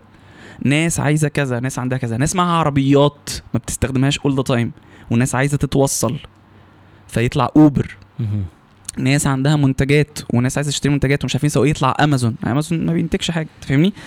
ف فال best business model اللي بيستغل ال resources وفي حواليه needs. فبيحل مشكلة. حلو قوي فهنا أمه عندها وقت وفي ستات ما عندهاش وقت في الظروف الحالية في الترند الحالي للحياة. تفهمني فهو. حل هنا مشكلة. وبدأ فعلا ينزل الحاجة وبدأ الصفحة ي target بقى الأمهات العاملات ي target الرجالة المغتربين ي target الشباب الجامعة اللي يعني برضو إيه أكيد ما بيعرفوش يعملوا لنفسهم يعني ورق عنب. دي تستبرق أه. أنت فاهمني؟ وبدأ يعمل دوت وبدأ يشتغل. وبدأ ينزل المنتجات بتاعته وعامل كفتة عارف كفتة الرز اللي كانت أمهاتنا دايما تاخد تبوظها بالصلصة دي. آه بتعمل. بقى كفتة بس من غير صلصة. انت بتلحقها قبل الصلاه آه بلحقها والله. كنت فاهم اخطف اتنين هي بصراحة كانت في الآخر بتبقى عارفه إن أنا بحبها كده فكانت بتعمل لي شوية بتوعي وتبوظ هي ليهم هم اللي بالصلصه كمان كانت بتعمل كده آه. ف وبدأ يعمل ده بقول لك وبدأ ينزل في محلات ويعمل بقى المجمد وتصريح وزارة الصحة والثلاجه والصلاحية ويوزع وبدأت أمه تشغل ناس معاها. وجاب شقة دور تاني وعمل deep فريزرات وبدأ يجمد ويورد وبتاع مش عارف إيه. المثال ده بيثبت لي أنا الناس لازم تشتغل في إيه دلوقتي؟ الناس لازم تشوف المشاكل اللي حواليها وال resources اللي تقدر تستخدمها. مش لازم يكون هو بيستخدم ال resource أو الموارد دي بتاعته هو. يعني الولد ده ما بيعرفش يطبخ. ما بيعرفش يطبخ. بتاع Uber مثلا مش شرط إن هو يكون أحسن سواق في الدنيا يعني صح. مش شرط فاهمني؟ وخلاص. بتاع امازون مش شرط انه يكون عارف المنتجات اللي هو بيبيعها بتتعمل إزاي. مش شرط أنت فاهمني؟ صاحب صح. المستشفى مش لازم يكون دكتور. صح جدا. فاهمني؟ وصاحب المدرسة مش لازم يكون مدرس. فالموضوع كله إن أنت بتشوف المشاكل اللي حواليك وبتشوف تقدر توفيها إزاي بالموارد اللي حواليك برضو. أو لو. مفيش موارد حواليك إزاي أنت تقدر تصنع موارد بقى في الحالة دي توفيها. هنا هو ده المشروع. حلو فانت جنبك مشاكل إحنا في مصر انت عندك بقى ما شاء الله منجم مشاكل. منجم مشاكل. يعني أنا كنت في محاضرة في أسيوط فأنا كنت في كل محاضرة بقول للشباب إيه تتخيلوا إحنا يعني ال ال ال الولد اللي هو عمل الفكرة بتاعت أمه بتاعت الطبيخ دي. عنده إيه؟ إيه اللي يمتلكه؟ ولا حاجة. ولا يمتلك نهى ولا يمتلك فلوس ولا يمتلك مطبخ ولا يمتلك أي حاجة يمتلك فكرة. هو عمل connecting لل dots الله ينور عليك connecting بتاع ال dots أنت فاهمني؟ ف إزاي الأول شاف المشكلة؟ هو الموارد طول عمرها عنده قدامه وهو مش شايفها. امه قدامه على طول مش شايفها. ودايما انت مش هتشوف الموارد. دايما اللي بتلاحظه الأول المشاكل. فبتشوف المشكلة وبعدين تشوف إزاي توفيها. فكنت في محاضرة في أسيوط فأول حاجة قالوها لي قالوها لي إيه المشكلة اللي عندكم؟ قالوا لي المخلفات اللي في كل حتة. أنت فاهم؟ تمشي في الشارع تلاقي اكياس الزبالة في كل حتة على الرصيفه وبتاع مش عارفه إيه. طب نقدر نحل ده إزاي؟ دي ريسورسز تصميم. الوضع الحالي. لا الأول من الجامعة. okay. إزاي؟ ليه ما نعملش مثلا application وال application ده كل واحد يعمل account ولما يوصل عنده مثلا القمامه أو الإزاز؟ يعني يعمل مثلا عنده في بيته في مطبخه أو بره أو في البلكونة وبتاع cans glasses paper مش عارفة إيه. وفي شركة بتيجي بعد ما يوصل إن ال tank ده يتقفل تيجي تجمع كل دول. ممكن تكون هي اللي بت supply أصلا بال container دوت. أنت فاهمني؟ وتيجي تاخد الحاجات دي وتحاسب الناس بالكيلو. انت عارف إن الشركات الكبيرة كلها دلوقتي عاملة كده جوه؟ آه. يعني الشركة اللي أنا شغال فيها بتاعت الاتصالات بدون ذكر اسمها يعني هو إحنا عاملين ال baskets دي جوه الشركة وبيعملوا ده عشان انت عارف الاستراتيجي العالمية بتاعت going green إن إحنا نساعد العالم آه. في البلاستيك ما بيتحللش والقصة دي ما أنا بقول لك غير آه. غير ده لا الموضوع ممكن يكون مربح yes. يعني دلوقتي الناس بتتخلص من قمامتها من غير ما بتستفيد منها حاجة صحيح لكن تخيل أنت لو خليت إن في مصدر دخل للناس من القمامة من القمامة بتاعتهم. انت فاهمني؟ وعملت application ولما ده بيوصل لحد بيقوم مكلم هو شركة بقى ال recycling دي وهي بتروح تجمع وتوزن وتحاسب يلا يا جماعة وتمشي فكرة و... وش في شاهين شوكة مثلاً، يعني كده آه. فاهم؟ وإحنا قاعدين بس؟ كده طول ما أنت عايش كل ما بتقابلك مشاكل. الصح إن أنت تفكر في كل مشكلة دي أقدر أحلها إزاي. حلو قوي لو قدرت تحلها business that's it فالناس دلوقتي تشتغل في إيه؟ تشوف المشاكل اللي حواليها وتشوف حلول ليها. مش شرط هي اللي توفر الحلول. دور على ال need بس وال resources بتاعتها. وت connect حلو قوي فده رأيي دلوقتي. دلوقتي بقى في مشاكل كتير جدا, جداً وال... وال challenges بتاعت الكورونا وال, وال... كترت- وال- كترت. كترت. المشاكل. فهنشوف م. آه، في سؤال أنا هشاركك في إجابته بس أنت هتجاوب الأول. قول لي. آه، حد بيقول is على أساس إيه أقدر أقرر إن ال business ده مناسب أفتحه دلوقتي؟ حلو.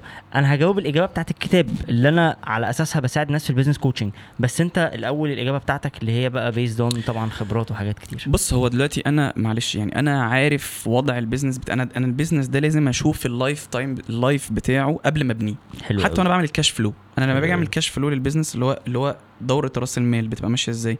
بقول إن أنا مثلا في أول شهر هأجر المقر فإيجار المقر ده 3500 جنيه. آه، هجيب هوظف مش عارفة فلانة وفلانة دي ب 4000 جنيه هجيب كهرباء هتجيلي 300 400 ده في شهر مثلا يناير.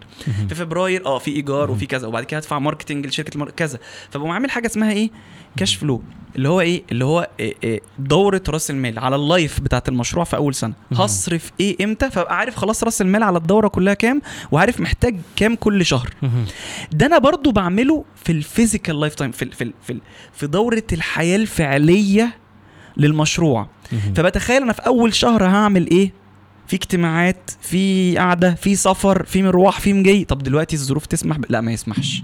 يبقى أجله لحد ما الظروف تسمح بالخطوة دي. تاني شهر في كذا تالت شهر في كذا رابع شهر هبتدي بيع. فلما ابتدي بيع لازم ده يبقى في الموسم. طب الموسم جاي إمتى؟ جاي في شهر سبعة. فعشان ش- رابع شهر يبقى شهر سبعة يبقى أنا لازم ابتدي قبلها بثلاث شهور هكذا. الموضوع كله بيكون بالتصور ال ال ال ال دورة الحياة بتاعت المشروع وتصور التوقيتات الفعلية والأحداث الفعلية اللي في الزمن دلوقتي اللي إحنا عايشينه. مهم. ومطابقة أفضل الأوقات في الزمن الفعلي لأفضل مراحل مناسبة ليها في المشروع نفسه. حلو جدا. بس فساعتها حلو. بتعرف تقدر تبدأ إمتى عشان توافق إيه في مراحله الزمنية. مثلا ملابس مثلا مثلا خليني أضرب لك مثال بملابس. حلو قوي أنا عايز أصنع ملابس صيفي. الصيف عندنا بيبتدي بعد عيد الأم على طول بعد 21 مارس بنبتدي نورد للمحلات عشان المحلات من إبريل. إحنا ما عندناش صيف وشتاء وخريف و... و... صيف و... آه، ربيع وصيف و... وخريف وشتاء. إحنا عندنا ربيع وصيف موسم garments جونا كده يعني. وخريف وشتاء مع بعض. بس في حاجات بنقول عليها خريفي اللي هي بتبقى بكم بس خفيفة شوية وهكذا. طب أنا دلوقتي عايز أبتدي أبيع هعمل منتج صيفي وهبيعه في الصيف.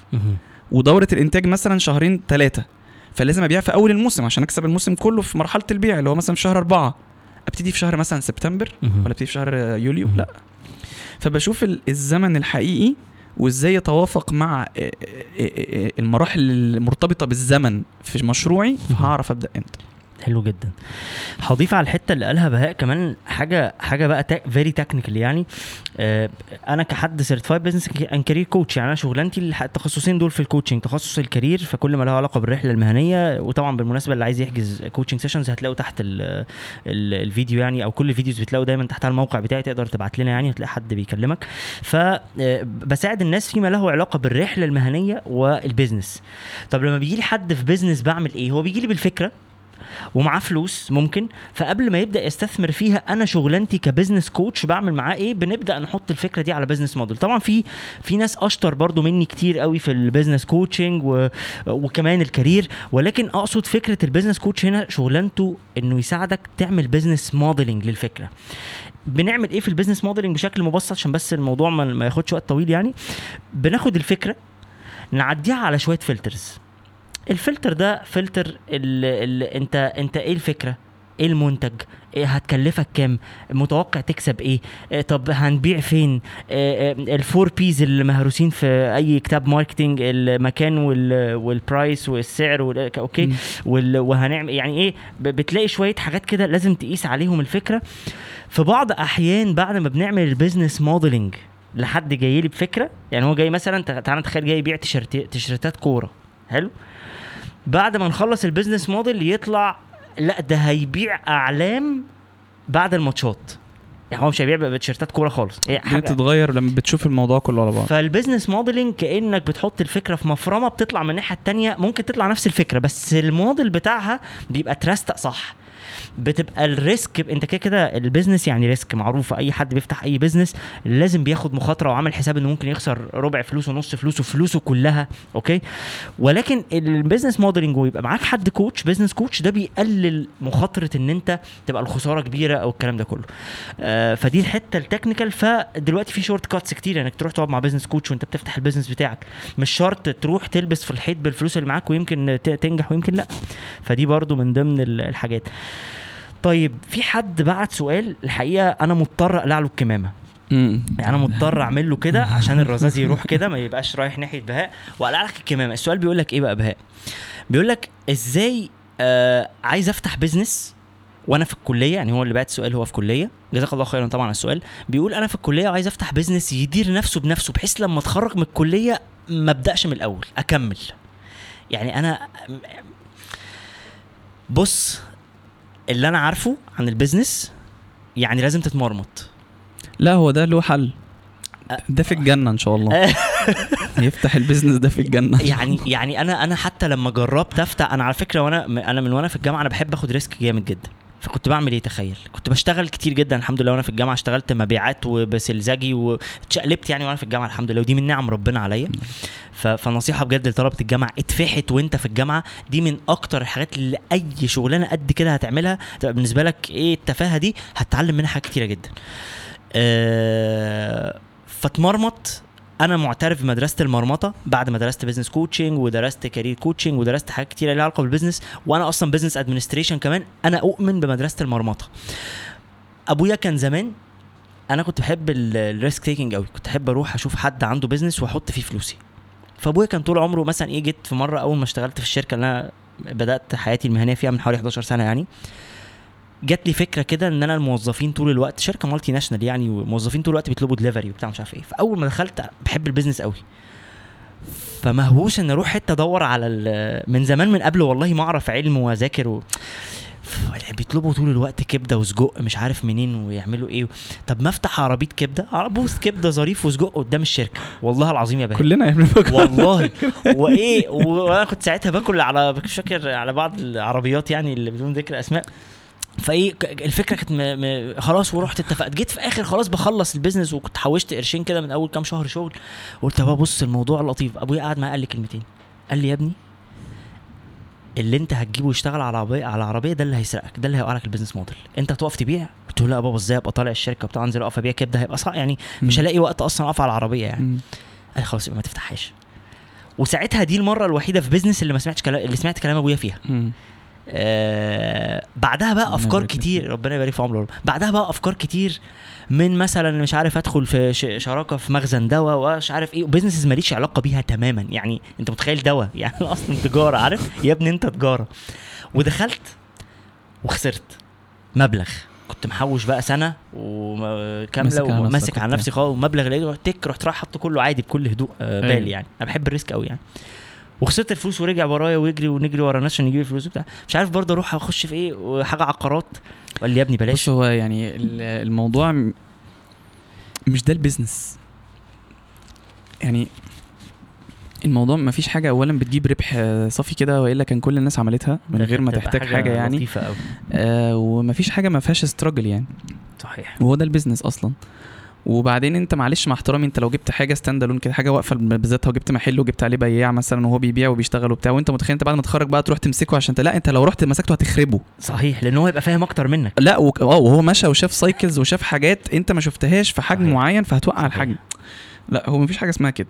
يعني هو آه، اولا آه، آه، المشروع انت يا إما بتشارك بفلوس يا إما بتشارك بنفسك. بفكرتك أو أو أو فالطبيعي اللي بيبتدي حياته ده مش مش هيشارك بفلوس هو يا إما دي هتبقى فلوس أبوه مثلا فأبوه بقى هو اللي يشارك أو فلوسه اللي يعني. حوشها زي حالتي في أول سنة لا، بقول لك أول- وخسرها لا كلها أنا قصدي إن أنت برضو في الأول يعني في أول حياتك دي أول حياتك دي ما الفلوس لا تسبق المرمطة صحيح. المرمطة تسبق صحيح. الفلوس صحيح فانت اشتغلت في حاجة معينة عشان تجيب فلوس. الحاجة دي هي ال expertise بتاعتك دلوقتي. الطبيعي والمنطقي انك لما تيجي تفتح مشروع تفتحه في المجال اللي انت اتمرمطت فيه ده لأن انت صحيح. كشفته. فاهمه كويس قوي. آه. يعني اشتغلت مثلا في مجال الأدوية فلما تيجي تفتح business هتفتح مكتب صغير بيوزع أدوية مش هتفتح مطعم مثلا. مهم. فاهمني؟ ف... وده الغلط. إن أنت تروح بفلوسك بس من غير وجودك معاها ورقابتك عليها وكل على فكرة ده. كنت بكسب فلوس في الأول. ولا هقول لك حاجة أنا اشتغلت من ضمن المرمطة يعني اشتغلت في صيدلية فترة كبيرة الصيدليات اتعلمت بقى أدي حقن وأقف أبيع وبتاع مش دكتور بس حبيت ال... أنا بحب الأدوية من زمان يعني. الحمد لله علاقتي بيها وطيدة قوي. بس عايز أقول. لك مجرد ما بدأت أخش ال business التاني ده كان مختلف. إن أنا أخش في مخزن دواء مش صيدلية. أيوه. توريد حاجة تانية. ده فمختلف. توريد أصلا مش مش أدوية. كنتش بقف خالص بقى. مم. كنت بسيب فلوس. شهرين ثلاثة كنت باخد هو مخزن متداول. وبعد كده خلاص لقيت مم. نفسي out من الموضوع ومش فاهم حاجة. أنا رأيي بصراحة إن الشباب دلوقتي ما يفكرش في مشروع ما يفكرش في مشروع دلوقتي. ما يفكرش في مشروع. الشباب دلوقتي كل اللي بيعمله إن هو بيتمرمط حرفيا. موضوع إن أنا بفكر في مشروع وعندي رفاهية إن أنا بختار ده لأ لأ يعني إحنا إحنا مش مش مش بره قوي مش. بره قوي كده. خش في السخونية شوية لو معاك قرشين حطهم في, في, بنك ولا حوشهم وخش في السخونية برضو وتمرمط وتبهدل مهم. ال phase دي phase مرمطة وبهدلة. وغلط تستحمل. تغلط. صح. آه. أنا دايما بقول كده. أنا دلوقتي بص يا شاهين أنا دلوقتي لما كنت شغال عندي 18 19 سنة ويجي الاسطى بتاعي ولا المعلم بتاعي ولا صاحب الشغل بتاعي يقفش عليا ويهزقني يمسح بكرامتي الأرض. أنا قفشت. آه. عادي. صح. عيل صغير بتعلم زيه زي أبويا. صحيح. أنت فاهمني؟ لكن أنا لما أجي كده لا مؤاخذة يعني شحط. بقى خلاص. صح. ويجي هو يكلمني نفس الكلمتين دول هتعز عليا نفسي. صح. فعظمي نشف ما بقتش لين زي زمان. صحيح. ادي حاجة. ف... فانت دلوقتي في مرحلة ان انت ما تبقاش باشا ما تبقاش رئيس مجلس إدارة انت في مرحلة ان انت. تتلين. عشان بعد كده مش هتعرف. فهتبقى عودك ناشف ممكن غلط. يعني هتنشف عودك غلط. فلا دي مرحلة الشحططة وفهم السوق وتغلط وتتقاوم. إيه ده؟ ده أنا كنت فاهم غلط. تستجيب. حلو بعد كده غلط. دي أول حاجة. تاني حاجة مرحلة ال low risk إحنا دلوقتي عندنا مسؤولياتنا وبيوتنا طبعا. ومدارسنا وحاجتنا وشركاتنا. ما, ما ما تقدرش تغامر وتغلط. ما لا تملك رفاهية الغلط. لكن لما هو لما يبقى شاب صغير. معلش لما هو يحصل يعني. لما هو من دلوقتي يفكر في business وي... ويعمل كده فين الجزء اللي اتعلمه واللي اترباه واللي واللي اللي هيأثر في ده؟ صحيح. انت فاهمني؟ تالت حاجة بقى و... ودي مهمة جدا إن ال... ال... ال... ال asset الحقيقي حتى في ال business إحنا يا جماعة مش بنعمل فلوس. هو إحنا مش مش عايزين حاجة نلقط منها فلوس ونجري تمام؟ ال asset الحقيقي إنك بتكون بذرة فيك باحتكاكك الشخصي وفي الكيان اللي أنت بتعمله ده عشان يستمر ويكبر. صحيح. فهتعمل ده إزاي وأنت حاجة سريعة كده. تدور نفسها؟ فين الاستفادات دي كلها؟ فين استفادتك وتأثرك بالموديل والخ... وال... وال... وال... وال value والقيم اللي بتزيد فيك؟ وفين إضافتك للموديل أو نفسه. بتاعك مش بقى للموظف هيضيفه بتاعك والاسم اللي بتبنيه والحجم اللي بتكبره وبتطلع بيه درجة بدرجة في. في الشركة بتاعتك شغلك صحيح. في استثمارك. فالموضوع متشاف غلط. الموضوع كده متشاف غلط. والمرحلة العمرية دي خلي بالك هي مرحلة أصلا للأسف دلوقتي مشتتة شوية. ف وللأسف الرسائل اللي بتمرر إليها رسائل خاطئة. صحيح. شغف واختار وبتاع وروح وشغلك الخاص بتاعك و- ومش آه عارف إيه. وبتاع وكلام مش كده خالص. ده بيجي بعدين. ده بيجي بعدين. لكن دلوقتي اتمرمط. صحيح. عايز تعمل مفيش اختيارات يا باشا ما تختارش. هتتفتح لك بيبان اتمرمط. كل حاجة هتتفتح لك دلوقتي جالك بالقدر. صحيح. يعني انت دلوقتي أنا أنا دايما كان كان في فيديو آه، عامله من فترة كبيرة اسمه ليه تشتغل أي حاجة. ليه تشتغل أي حاجة؟ لأن انت ببساطة ما تعرفش انت هتشتغل إيه. يعني انت ما تعرفش في الآخر هتشتغل إيه. وفي نفس الوقت ال- اللي عارف انت هتشتغل إيه اللي هو ربنا سبحانه وتعالى هو اللي بيفتح لك من دلوقتي السكك يعني الشخص اللي بيجي يكلمك يا يا شاهين ويقول لك أنا عندي شغلانة في صيدلية ممتازة. الراجل ده جاي لك عشوائي ولا جاي لك بقدر؟ بقدر طبعا. بس. فدي الأسباب اللي بتيجي تتفتح لك ودي اللي انت مطلوب منك تاخد بيها وتتبعها. تفهمني وتمشي تتمرمط بقى. صحيح. لكن تختار مش دلوقتي. تختار إيه؟ صحيح. بس. انت عارف كمان بمناسبة إن إحنا يمكن من شوية اتكلمنا فاروح business خاص ولا أشتغل في شركات؟ للأسف بتمرر لل... للشباب آه، فكرة إنه آه، وأقصد هنا الشباب اللي لسه متخرج. إحنا برضو شباب ما كبرناش قوي لا؟ يا عم أنا لسه- كبير. لسه عجوز يعني بتمرر للشباب فكرة إيه؟ اتخرج من الجامعة ويعمل business خاص وبتاع و... عايز أقول لك حاجة أنا لو ربنا ما كانش قدر الحمد لله قدر ربنا كله خير. لولا قدر ربنا في إن أنا أشتغل في multinational companies و local companies 10 11 سنة اللي فاتوا ما كنتش عمري هبقى قادر وقدراتي الفكرية والعقلية وبتاع إن أنا أفتح business أصلا في يوم من الأيام. يعني كونك تشتغل تبقى ترس في مكنة كبيرة آه. عشان كده بعد كده تقدر إن أنت تبقى عندك مكنة يعني بص يا آه، شاهين الموضوع مسؤولية وثقل ونضج وكل حاجة مع احترامي شاب صغير لسه ما اتمرمطش ولا شاف ولا عمل إزاي هيقدر ياخد قرارات صح بخصوص المؤسسة بتاعته أو. شركته؟ فاهمني؟ فأنت خلاص بقى أنت واحد معاك فلوس وبتضيعها أكنك بتلعب قمار مثلا بيها عايز صحيح. تلعب بقى بيها قمار وعايز العب. روح. العب. بس براحتك بقى. مش هنصحك بكده. طبعا. بس. سؤال بقى إيه, إيه عارف أنت اللي هي ال- ال- النوتيلا اللي بتتحط في الآخر؟ آه. شفت أنا بقولها نيوتيلا زي نوتيلا. ما. إيمن عبد الرحمن نيوتيلا. عمر عبد الرحيم. أيوه عمر عبد الرحمن وإحنا بنفطر قال لي أنت وعمر عبد الرحيم تقولها نيوتيلا اللي هي نوتيلا فاهم؟ نوتيلا.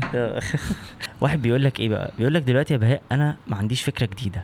هل ممكن أروح آخد فكرة حد و... وأضيف عليها وأظبطها كده وبعدين أطلعها بيزنس بص هو شرعا خلينا أنا أنا مش بتكلم في الموضوع في احتكار ولا غير احتكار ولا الكلام ده كله إن ده ملوش دعوة بالاحتكار قوي في في الجزء اللي أنا هجاوب فيه. بس. يعني إيه؟ إمتى تقدر تشتغل على حاجة اوريدي موجودة؟ بحاجه من اتنين. لو الحاجة الموجودة دي مش مغطية السوق اللي انت هتخاطبه؟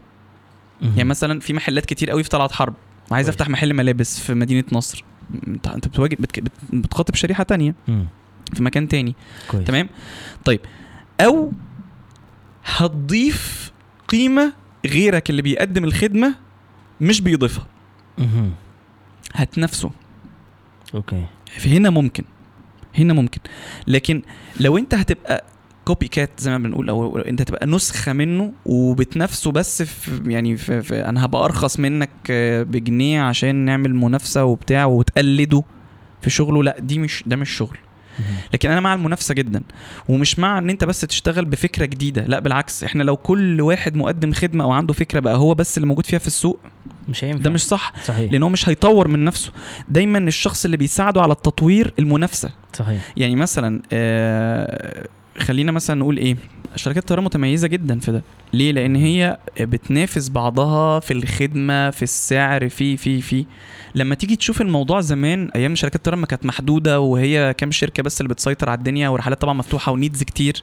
ما كانوش محتاجين ينافسوا. ما كانوش محتاجين يقدموا خدمات أحسن وجودة أكتر وسعر أرخص. دلوقتي سعر تذكرة الطيران بقى ببلاش.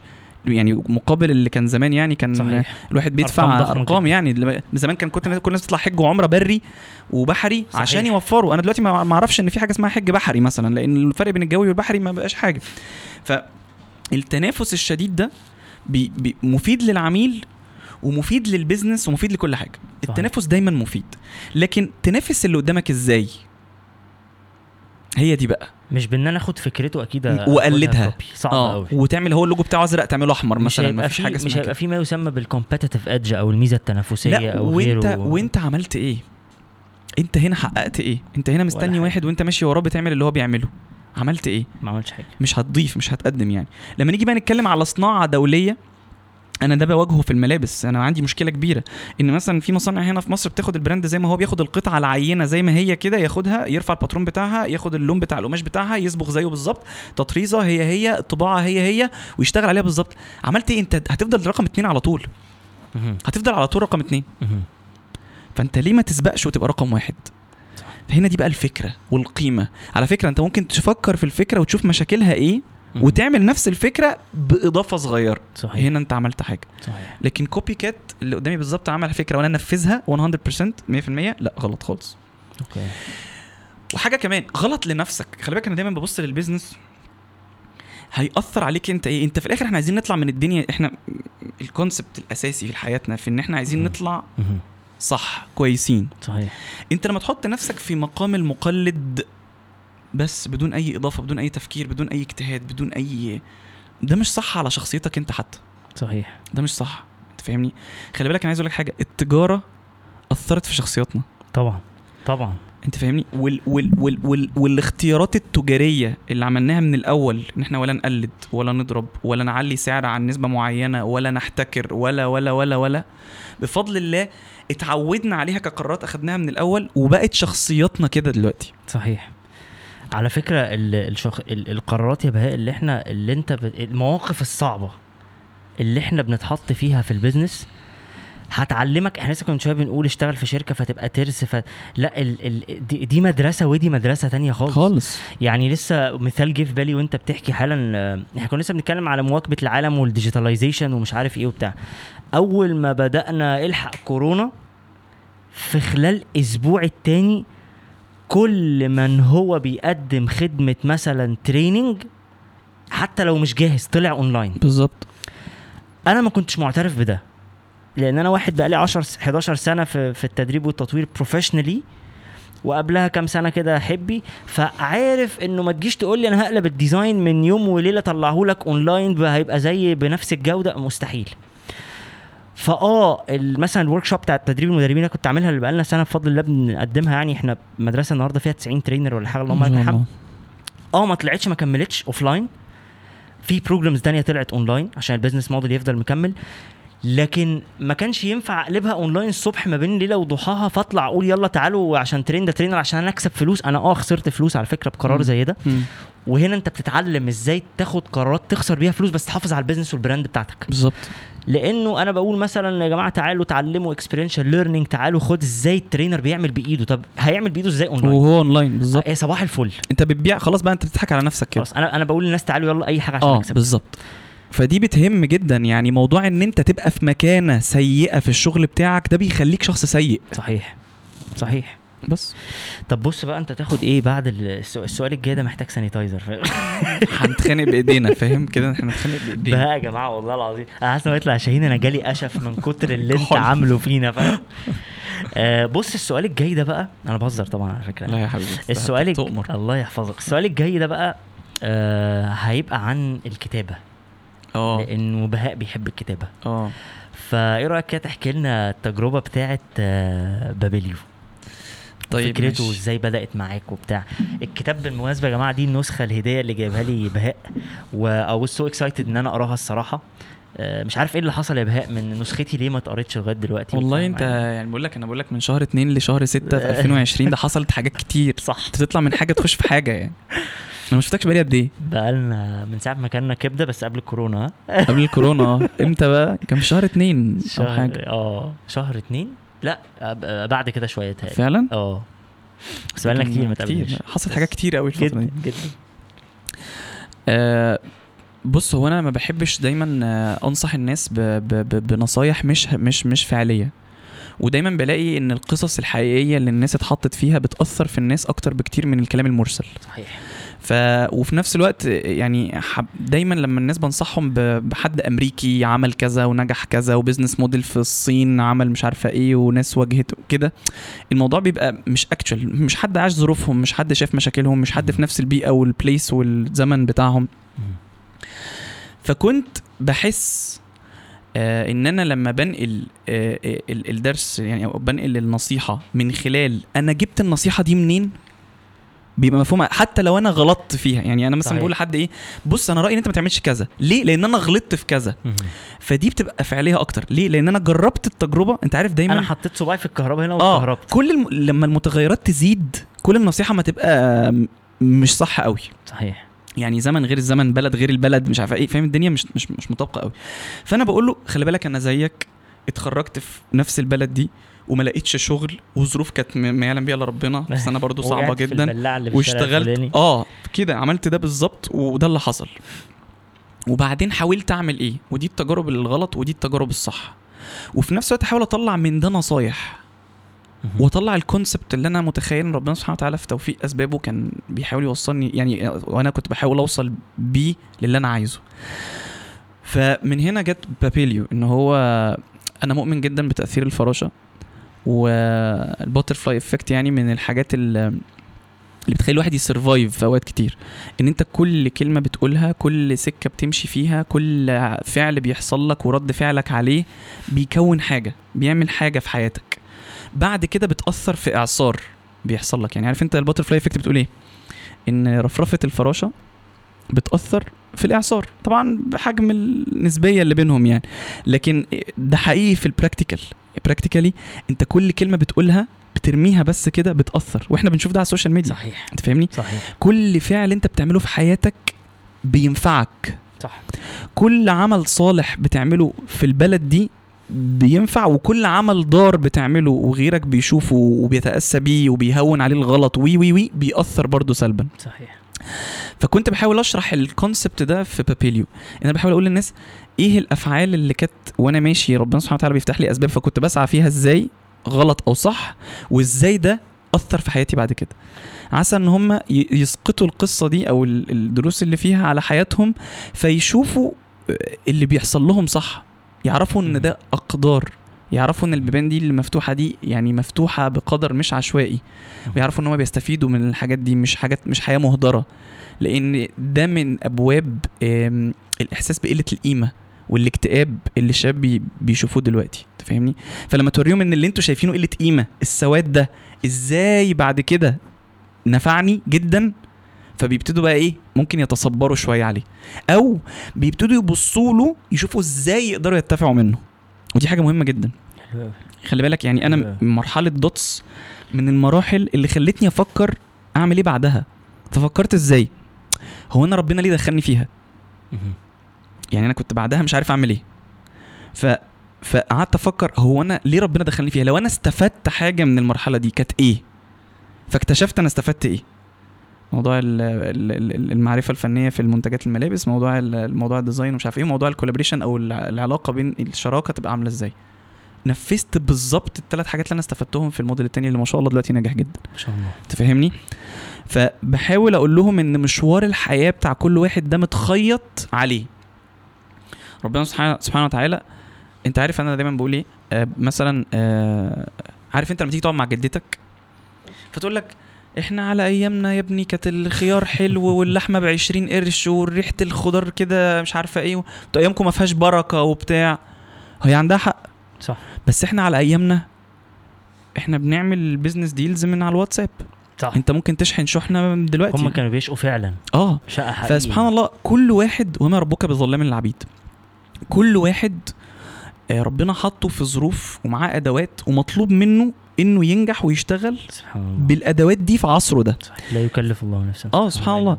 ف ف ف فربنا سبحانه وتعالى دلوقتي حطنا في ظروف أبوك أبوك دي بقدر وأمك ده بق... أمك دي بقدر وأبوك ده بقدر والبيت بتاعكوا ده بقدر وأنت مولود في مصر بقدر ومولود بره هنا في ق... بقدر. كل حاجة بقدر. صح. كل حاجة بقدر. صح. مطلوب منك بقى إيه؟ إن أنت تستغل الأقدار دي وتستفيد منها في المشوار بتاعك. فما ينفعش تشوفها إن هي حاجة سيئة وما ينفعش تشوفها إن هي ملهاش معنى.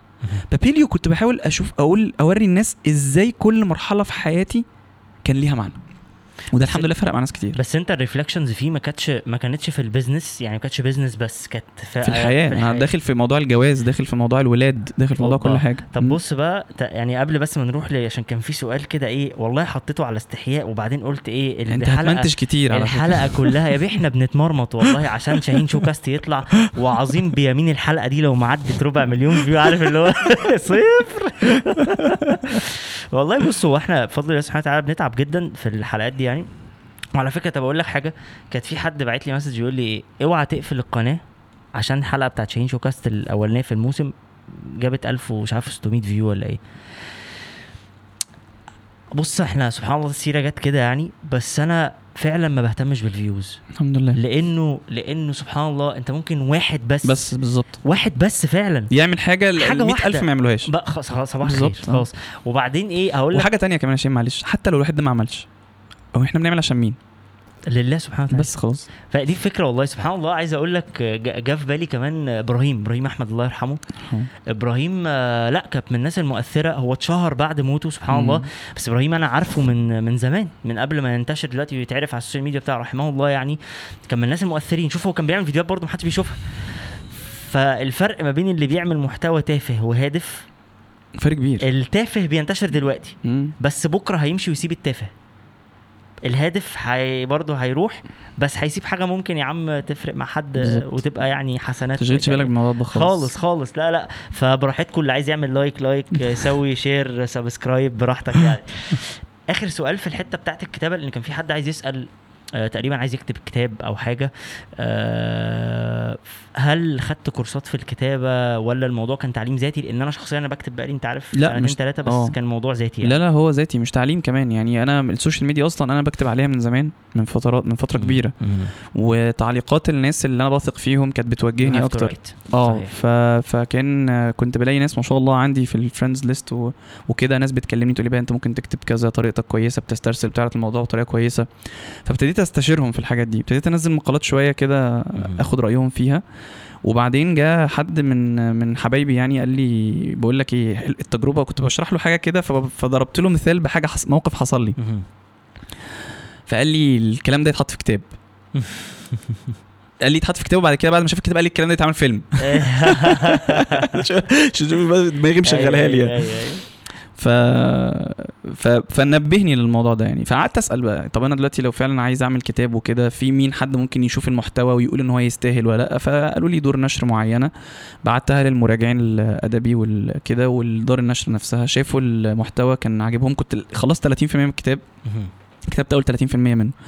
عجبهم جدا فالحمد لله يعني. فقال لي لا استمر وخلي اللغة كده وما تغيرش حاجة في أسلوبك وكده. وبس وكملت الموضوع و... والحمد لله يعني الفيدباك بتاعه كان رائع يعني الحمد لله. الحمد لله. عايز أقول لك أنا بكتب بقالي حبة. ما حكيت لك أنا القصة بتاعت الكتاب بس أنا بقالي يعني أنا مش يعني مش عارف أنا أنت نصحتني نصيحة لما كنا قاعدين فاكر آخر قعدة قلت لي لازم تتعاقد مع دار دار نشر عشان تاخد تنجز يعني. هم بيفيدوك جدا مش يعني. عارف أنا ليه يعني أنا أنا برضو بكتب بأريحية زيادة. أنا. مش مستعجل الكتاب يطلع. آه، وأنا تعل... يعني اتعلمت ذاتي برضو وقعدت أدور. وبعدين حاسس إن من الحاجات اللي فرقت معايا في طريقة كتابتي قوي الكتب الكتير اللي أنا بقراها. يعني كل ما بتقرأ كتاب بتتأثر بالكاتب في حاجة. بص هو ده مفيد لجزء معين بس لما بتقرا الكاتب كتير بت... بتتأثر بطريقته فبتغير آه طريقتك أوكي فهمت قصدك. آه فيعني مثلا أنا أنا بحب نجيب محفوظ جدا طريقة كتابته يعني ال- بالذات الحرافيش. مم. آه ومؤخرا يعني آه، واحد حبيبي كده هو اللي قال لي يعني أنت محتاج تركز في أسلوب نجيب محفوظ هيعجبك يعني. مهم.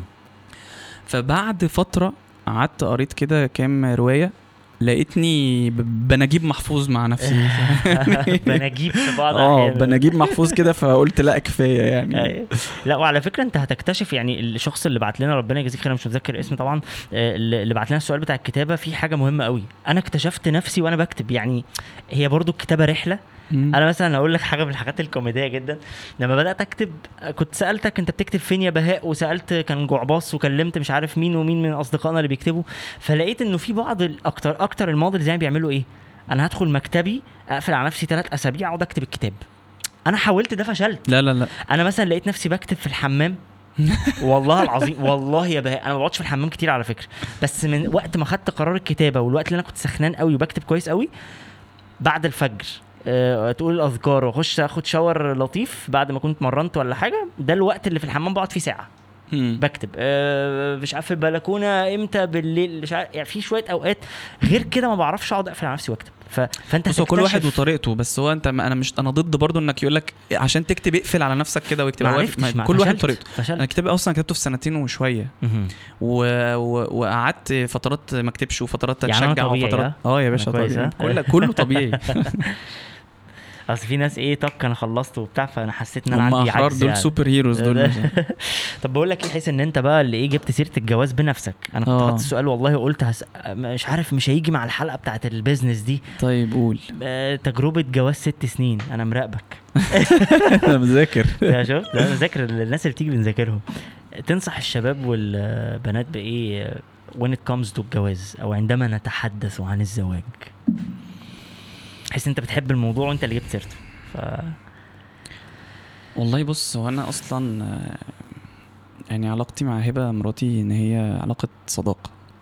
وأنا دايما ما شاء الله. بقول إن هي مراتك دي هي صاحبتك الشرعية الوحيدة. يعني إحنا ديننا ما فيش حاجة اسمها واحد يصاحب واحدة غير في الجواز. صحيح. هي دي صاحبتك يعني. صحيح.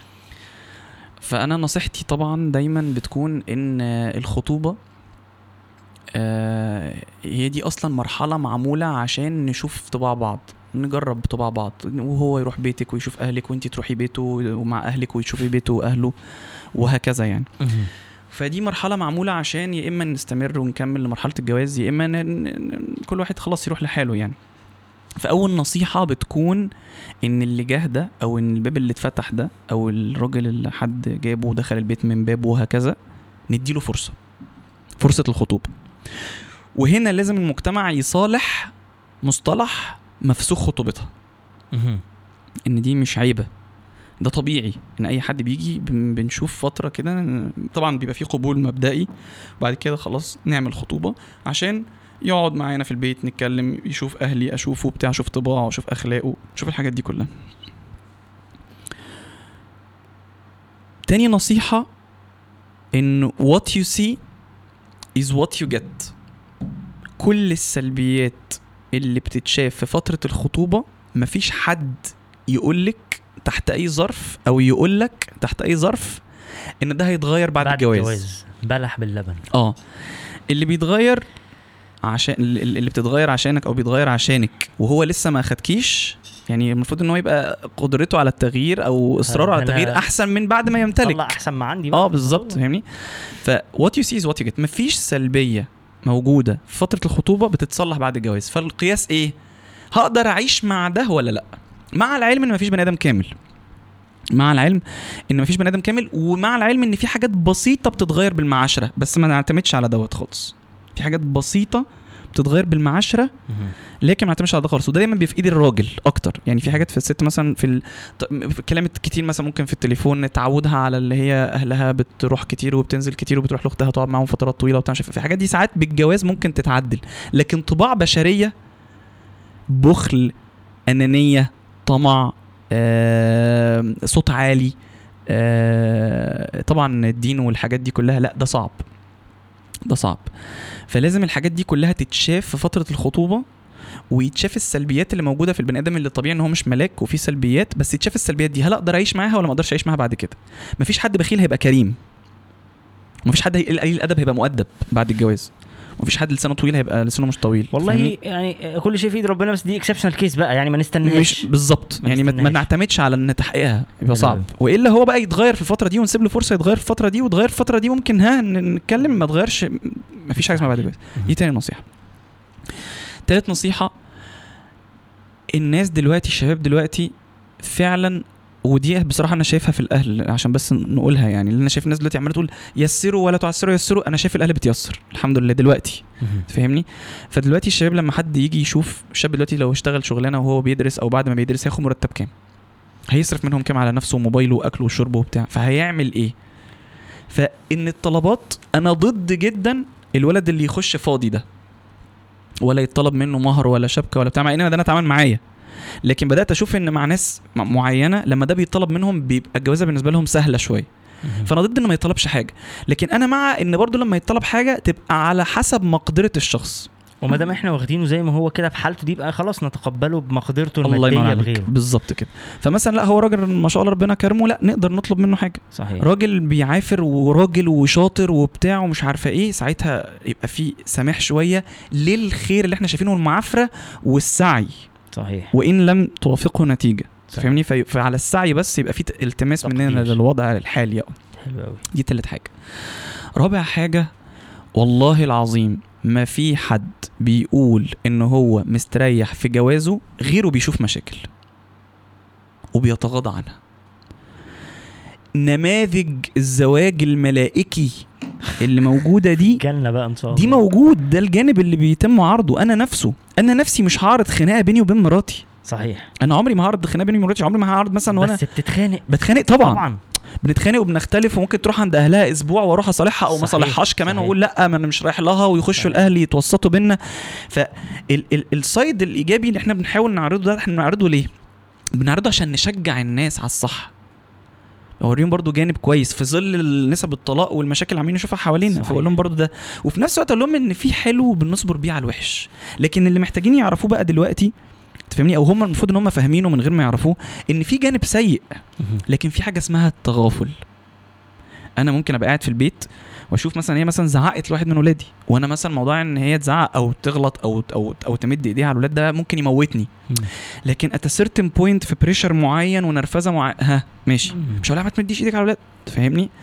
آه موقف مثلا وهي قاعدة مثلا مع أختها مثلا حاجة اتقالت آه حاجات بتحصل طبيعي. آه أكلت مش عارف إيه اللي حصل فيه كانت دخلت خبطت الباب ما لقيتش حد بيروح حاجات كده يعني. المواقف العادية يعني. كل ده بيحصل كل يوم. والله كل دي يوم. حقيقة أيوه دي حياة. طبعا. بمشاكلها. صحيح. بس في فضل. صح. في فضل. صح. في واحدة آه رضت إن هي تسيب بيت أهلها وتيجي تقعد في بيت. في واحد قرر إن هو يوجه كل موارد حياته لبيته ده وللبنت دي. في نا... اتنين قرروا إن دول مصيرهم يبقى مع بعض وبيتهم تبقى مع بعض وهي تبقى أم ولاده وهو يبقى أبو ولادها في في تضحيات وفي قيم وفي استثمار اتحط في مشروع الزواج دوت. لازم كل التح... التق... ده يتشاف. ولازم ودي نصيحتي الأخيرة وأهم حاجة يتعرف إن الطلاق مش option ودي أنا قلتها في فيديو على اليوتيوب اسمه الطلاق مش option الطلاق طريق ده الطلاق الطلاق ده طريق السد السد اللي في الطريق. اسمه طلاق. السد اللي في الطريق. مش طريقين يا نتجوز يا نتطلق. اللي داخل الجواز وعامل حساب إنه ممكن يتطلق ده ما ينفعش جوازه أصلا. أو إن هو يا يطلق يا يا يكمل يا يقطع يعني. اللي داخل جواز أخد فرصته في الخطوبة قيم الشخصية كويس عارف أخد بالأسباب وبالاستخارة وبكل حاجة. وشاف البنت دي مناسبة وتوكل على الله. وبرضه عايز أقول بمناسبة إن هي مش برضه هي مش مش مش مش مش وندر وومن يعني هي مش حاجة خارقة. وأنت مش سوبرمان وأنت مش سوبرمان برضو بالظبط. يعني ففي قبول. في أقدر أعيش معاها. دمها خفيف على قلبي بتاع مش مش مش لازم تكون يعني جميلة الجميلات وط- وطبخه الطباخات ومش عارفة إيه فاهمني؟ مناسبة بنت مناسبة وأنت مناسب طبخت الطباخات. آه طبخت عارف إن أنا. مراتي آه، هي طبعا إيه أكيد هتسمع البودكاست ده. أنا مراتي لما اتجوزنا قعدت ساعتين ونص في المطبخ بوظت كرتونة بيض كاملة عشان تعمل اومليت يطلع آه شكله حلو. أنا أول النهارده nutritionist النهارده ما شاء يعني ما. شاء الله آه. ال- ال- الإنستجرام أنا أنا هبه و- مراتي معروفة بأكلها إن هي حلو في وسط الدنيا بتاعتنا اللي عارفانا يعني. مهم. هبه أول مرة عملت لي الأكل اللي إحنا أول أسبوع في الجواز كان الثلاجه عندنا عبارة عن مطعم. أهلها جايبين كل حاجة ممكن تتاكل. حمام. محشي بط كل فاكهة كل حاجة. وسط الثلاجه ممكن نقعد مثلا سنة ناكل فيها. حلو فبعدين بعد أسبوع فقالت لي بقى أنا عايزه أطبخ لك. يلا استر يا رب. آه. فأختها كانت جاية لنا فأختها دايما كانت تيجي بقى تقعد شوية وتمشي بسرعة عشان إيه يعني تسيبنا براحتنا. ففي اليوم ده قلت لها لا اقعدي إيه معانا تغدي معانا. حلو. فدي راحت طولت في المطبخ ودي كل شوية تروح تطمن عليها. وتيجي تطمن عليها وتيجي ها؟ المهم أنا شميت ريحة شياط. رائع. قلت مش مشكلة حاجة اتحرقت مثلا ورقة بتولع بحاجة كده يعني. المهم الأكل جه. فاللحمة كانت آه، محروقة. الله. ووحشة قوي قوي بس دي أول مرة تطبخ في بيتي فاهمني؟ مراتك هتسمع اظبط. آه لا ما هي عارفة. فاهمني؟ فأنا طبعا باكل و كذب بقى وعملوا لها. حبيبتي يعني. إيه رأيك في اللحمة والصوص بتاعها؟ قلت لها جميل تسلم إيدك. مين. بقى قاعدة جنبي؟ أختها. بتموت طبعا. أنت منافق لحمة حلوة ايدي تقرف وبتاع. ف...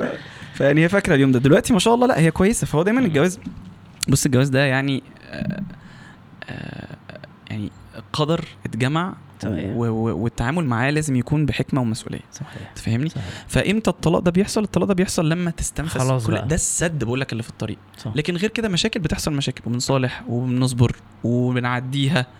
مش بقى لا وإزاي أعديها؟ وبعد كده هتعمل كذا كذا كذا ولو سبت دي ما هي بعد كده هتعمل كذا. النظر المتشعب ده للمشكلة خطأ. في حين أنت ممكن تعدي المشكلة وبعد كده تقوم إيه،. التشعبات دي بعد كده لوحدها فاهمني؟ صحيح. دي نصيحتي يعني. بهاء آه، بنقفل الحلقة بحاجتين. قول لي. آم، أول حاجة عايزين سر آه، محدش يعرفه عن بهاء. يا سلام لو مراتك كمان ما تعرفوش تتفرج على الحتة دي. nice. take your time الحتة اللي هي الفراغ دي بتتشال من المونتاج لأن السؤال صعب. آه منك لله شاهين. الله يحفظك. الله يسامحك يا أخي. تصدق ما عنديش أسرار كتير. بص هو. هقول لك سر بصراحة أنا بحاول إن أنا أتنصل منه بقالي فترة يعني بس لأن أنا مش ما بحبش أقوله فالناس ما ما تتخيلش إن أنا بعمله فالناس كمان تعمله يعني. بس أنا جيمر من زمان أوف. وبحب ال gaming جدا وده ساعات كتير بيضيع لي وقت خرافي. okay. يعني ساعات ببقى ببقى مخلص يعني بقفل ال بقفل ال ال- الجهاز وبتاع وأنا ندمان على إن أنا قعدت. ست ساعات مثلا على ال game يعني بس بقعد للأسف يعني وغير كده برضو حاجة تانية أنا كنت بحبها جدا زمان بس بدأت أبطلها لأن الأماكن اللي فيها اللعبة دي مش كانت كده إن أنا بحب ألعب آه، snooker. آه، بلياردو بس عارف انت ال snooker اللي هي الكور حمراء كلها و- آه وكده ما. بعرفش ألعبها خالص آه دي كانت لعبتي المفضلة كنت بلعبها من وأنا ولد صغير جدا. وكنت talented كنت talented فيها جدا. لدرجة إن أنا كنت بلعب وأنا ممكن ما بقاش طايل يعني في certain spots كده في أماكن معينة في الترابيزة. لا لا في أماكن معينة في الترابيزة أنت أصلا المفروض في في القواعد بتاعت البلياردو أنت. رجلك تبقى على الأرض. كنت بطلع بشب بنام على الترابيزة عشان ألعبها وهم كانوا بيحترموا ده فيا وبيعدوها لي عادي يعني بس دي كانت لعبة كنت بحبها جدا جدا. وممكن برضه أقعد فيها وقت كبير ألعبها. بس ما بقتش بروحها لأن الأماكن اللي فيها اللعبة دي مش مريحة ليا دلوقتي. فاهمني؟ فب- فبستغنى بقى عن ده بإيه؟ بال online gaming بقى. تلعب إيه؟ Call of Duty بص أنا Call of Duty دي it's one of my favorites League of League of Legends برضو one of my favorites يعني. المشكلة بقى إن أنا بحب اللعب الاستراتيجي شوية. فمثلا بقى إيه؟ في لعبة ما حدش يعرفها اسمها Cossacks تسمع عن Cossacks لا. آه. Cossacks دي لعبة اخذت مني رقات. أنت فاهمني؟ Medal of Honor بقى كلها. Medal of Honor من أول ال Allied Assault لحد لحد كل حاجة. آه ف أنا بضحك عشان أنت فضحتنا لأن أنا هعمل لك add في Call of Duty بعد ال لا مش هعمل لك add أنا دلوقتي وست ساعات هعمل إيه بعد كده؟ لا أنا يعني بصراحة عايز أقول لك بلعب حاجة أقول لك بس أنا بلعب مثلا إيه يعني أنا بصراحة جه عليا وقت في وقت الكورونا دي في بداية وقت آه. الكورونا كنت طاحن نفسي آه، قاعد بقى وأنا طبعا بقاليش بشتغل 24 ساعة طول الوقت في الأيام آه. اللي فاتت وببريك في أوقات معينة آه. فبصراحه خدت فرصة إن أنا أقعد ألعب بانسجام اللي هو آه. أحاسيس بتاعت ثانوية عامة. أيوه أيوه. لما كنت تهرب من الدرس وتقعد تلعب. أنا مش ب... آه. مش بدعو الناس كده بس أنا كنت بعمل آه. كده يعني الفقرة دي وحشة قوي في ال- جدا في ال- جدا في سيئه جدا يعني. بعد كل الخير آه. اللي حصل. فعندي صحابي إحنا العواجيز اللي زي دول. فبنتجمع في مكتب حد من صحابنا هو المكتب بتاعه مكتب تسويق. آه social media agency يعني فعنده أجهزة كمبيوتر كتير. فبعد بقى الموظفين ما يمشوا بقى بالليل بنروح كل واحد يقعد على جهاز. ونقعد بقى نلعب إيه Medal of Honor القديمة اللي هي ال Allied Assault تعرفها بتاعت destroyed village وال snipers وبتاع و Generals بننسى نفسنا بقى. فاهمني؟ إحنا آباء كلنا وعيالنا في مدارس وبتاع مش بس بنلعب. ترجع طفل تاني فاهم؟ بس في حاجة بس. دي حاجة سيئة بس أنا هي سيئة جدا بصراحة بس أنا هقول لك حاجتين. أول حاجة أكيد أنت في وقت في حياتك ودي كانت حاجة قريتها في كتاب يعني للناس اللي بتيجي في مر... مش مرحلة طفولة متأخرة هي في part من الطفولة انت محتاج تعيشه كان ممكن يتقسم على فترة سنين انت منعته. يعني انت بتحب ال games من وانت صغير. آه. فانت قعدت مثلا أنا قعدت مثلا 10 سنين شغل بس وطحن ومسؤوليات وبتاع. فدلوقتي أنا الحوار بتاع Call of Duty ده بقى لي فيه كذا كام شهر من بداية الكورونا كده. بس طبعا كان في extremes وحشة في الأول. دلوقتي بفضل إن أنا ممكن ألعب ربع ساعة تلت ساعة وإمتى؟ إمتى مع بعض الناس اصدقائي بدون ذكر اسماء عشان يمكن هم ما يحبوش يقولوا يعني آه أقول أنا لا لا بعد بعد مثلا ما بنعمل حاجة كويسة مع بعض يعني نقعد آه. نذاكر مع بعض حاجة نقعد نقرأ أيوة. ما مش عارف نقعد نقرأ قرآن نعمل حاجة مفيدة وبعدها ربع ساعة بريك نص ساعة فما يجراش حاجة مم. إنما 16 ساعة ده أنت أنت بصراحة جاحد يعني هي بتبقى آه يعني وبعدين لا بيبقى بقى تخفيف لود يعني بعد ما تبقى أسبوع شغل شغل طحن طحن طحن طحن طحن اخش بقى في أوضتي وافتح بقى تكييفي واقفل على ازازي و black black out بقى فاهم؟ فاهمني؟ واقفل ده تليفوني. سر بجد ما حدش يعرفه. آه آه لا ده- لا ده صعب. آه هي مراتي بس اللي تعرف ده. يعني والولاد كمان مثلا ممكن تقول لهم بابا نايم. شغال بابا آه شغال يا ولاد. مثلا فاهم؟ لا ده أنا ببقى في أوضتي ما ينفعش في المكتب ولا في بتاع. أنا أنا آه أنا نايم فاهم؟ فدي لا للأسف حاجة سيئة يعني. الولاد بقى لما يكبروا يتفرجوا على الفيديو بتاعك أقول لك شيل الحتة دي. عشان مش هتعرف تعمل مش لهم عارف مش. هقول مش عارف هقول لهم إيه؟ إيه؟ أنت بتلعب 16 ساعه وانت كبير يعني. طب بص آخر حاجة في الحلقة خلاص إحنا هريناك أسئلة النهارده. أنت الكتاب ده خلاص بقى نحطه كده عشان يا جماعة الكتاب بتاع بهاء آه، خلاص. إيه ده؟ تقدر الناس تجيبه منين يا آه، ده موجود أونلاين وموجود في صفحة دار الرواق للنشر والتوزيع. موجود في مكتبات كل مكتبات التوزيع الكتب يعني. ربنا يكرمك يا أخي ويبارك لك. شكرا على ال copy. بتاعتنا. تسلم. ويمكن بهاء يحط لنا في وسط ال giveaways بتاعت ال 200 ألف subscribers إن شاء الله. بس أنتوا فعلوا الجرس وزقوا معانا القناه ده يعني تحت أمرك الله والله يحفظك يا أخي ويبارك لك. الله يكرمك. آه لو يرجع بيك الزمن وكانت في نصيحة آه بلاش كان عشان شريف من ساعة حلقة شريف علي قال لي كان تفتح عمل الشيطان. فقال. لي مش كان بتاعت الشيطان. لو كان حد قال لك آه نصيحة وتحب إن أنت تقولها لحد دلوقتي يمكن تفرق معاه. إيه النصيحة اللي كانت ممكن لو اتقالت لك كانت فرقت معاك؟ آه، في البداية إن أنا أسمع خبرات الناس وما أقولش إن أنا غيرهم قوي يعني at a certain point أنا غيرهم بس الكلام اللي بيتقال كتير لو كنت سمعته بتمعن شوية في حياتي فترات كتير من حياتي كان هيفرق معايا. حلو قوي آه يعني للأسف أنا كان في ساعات كده كنت مش بستكبر على الكلام بس كنت بشوفه إن هو مختلف عني. ما كنتش بحاول أستفيد منه واسقطه عليا أنا ينفعني إزاي بظروفي المختلفة دي. فكنت بيع... بيخش من هنا ويعدي من الناحية التانية. دلوقتي لما بشوف بعض المشاكل اللي حصلت لي في حياتي بفتكر كلام الناس دي أقول طب ما هو قال لي كده. ما هو الراجل قال لي. الراجل حكى لي كذا. ما أنا شفت كذا. ما أنا قريت الكتاب ده. فدي مهمة جدا. وحاجة تانية برضو. إن إحنا ساعات ودي برضو مرتبطة بالنصيحة الأولى إن إحنا ساعات بنشوف أهالينا إن هم في زمن غير زماننا ووضع غير وخوفهم ونصايحهم كده قوي الواحد لما بيكبر وبيفتكر نصايح أهله أو لما بيخلف خلف، ولاد دي. مهمة برضو جدا بي بي بيبقى عارف إن آه النصيحة caring بس you need ال caring دي النصيحة آه م- بتحميك وبتخنقك بس أنت في الفترة دي محتاج تتخنق ومحتاج تتحمي. هيتفتح عليك بعد كده بس أنت مش جاهز للفتح دلوقتي. صحيح. يعني أنت لو شفت الزوايا كلها بتاعت المشاكل حواليك هت- هتضيع فدي برضو مهمة. فنصايح الكبار والأهل. وبصراحة آه، دي النصايح لو حد نصحني بيها زمان. في بقى نصيحة دلوقتي هنصح بيها كل الناس اللي من جيلي وجيلك وأي حد الحمد لله ربنا مبارك له في رزقه يعني وقادر يوفي حاجات بيته وكده. إن هو والله دي أهم النصيحة فرقت معايا في حياتي. إن هو يحاول يكفل بيت. يعني يبقى في مسؤولية عليك أو مصروف عليك زي ما أنت مصروف عليك بيتك وولادك ومدارسهم وبتاع تشوف بيت تاني تكفل. واحدة مثلا أرملة واحدة مطلقة عندها مثلا عيال والعيال دي في مدارس والعيال دي بتحتاج برضه مستشفى وبتعرف أنت مراتك لما تيجي تقول لك وفي مصاريف المدرسة وعايزين البنت مش عارف إيه وداخلين على العيد وعايزين بيجامات وعايزين نجيب لها هدوم خروج وبتاع مش عارف إيه دول محتاجين نفس الحكاية. فاهمني؟ فتبقى حد كده في كفالتك وتدي مثلا رقمها لمراتك وكل احتياجاتها كأنها بيتك. أنت تكفلها. مصروف أول كل شهر. مصاريف المدارس مصاريف الأكل والشرب مصاريف الحاجات دي. والله يا شاهين أنا أوقات كل قيم حياتي اللي بعملها دي بتتصفر بحيث إن أنا ما عملتش أي حاجة. كل اللي أنا بقوله ده كلام زي على رأي الدكتور مصطفى محمود يعني. إحنا اللي بنقوله ده كلام كلام. بنصح ناس بشوية نصايح كده كلام تفهمني مفيش حاجة ممكن تحسسك إن فعلا كل يوم من عمرك بيتقضى صح وإن أنت بتغير في الدنيا دي غير أعمال الخير اللي أنت بتعملها. ولو هنفضل نستنى إن أعمال الخير نوصل لمستوى مالي مستقر عشان غني عشان هنلاقي. نعملها مش عمرك ما هت... كل ما صحيح. هتكبر كل ما احتياجاتك هتكبر مستواك الاجتماعي بيكبر مصروفك بيبقى فلوسك قد انت لما تيجي تشوف المليارديرات بتوع دلوقتي دول تقول هم ليه بيشتغلوا ومش قاعدين؟ لأن هم لازم يشتغلوا. احتياجاته أكتر. لازم يشتغل. صح. تفهمني فلو انت صغير ومعكش زيادة غير 200 300 جنيه شوف بيت اديله ال 200 300 جنيه دول هيفرقوا معاك أحسن من الصفر. هات لهم صندوق تموين. تكبر. تزود الصرف عليهم أكتر. تكبر تكبر لحد ما تقدر تكفل البيت ده. كل احتياجاتكم بلغونا بيها وإن شاء الله نعملها. والله يا شاهين سبحان الله أنا أنا أنا بحس إن ده بيفك كرب مفيش أسباب في الدنيا تفكها.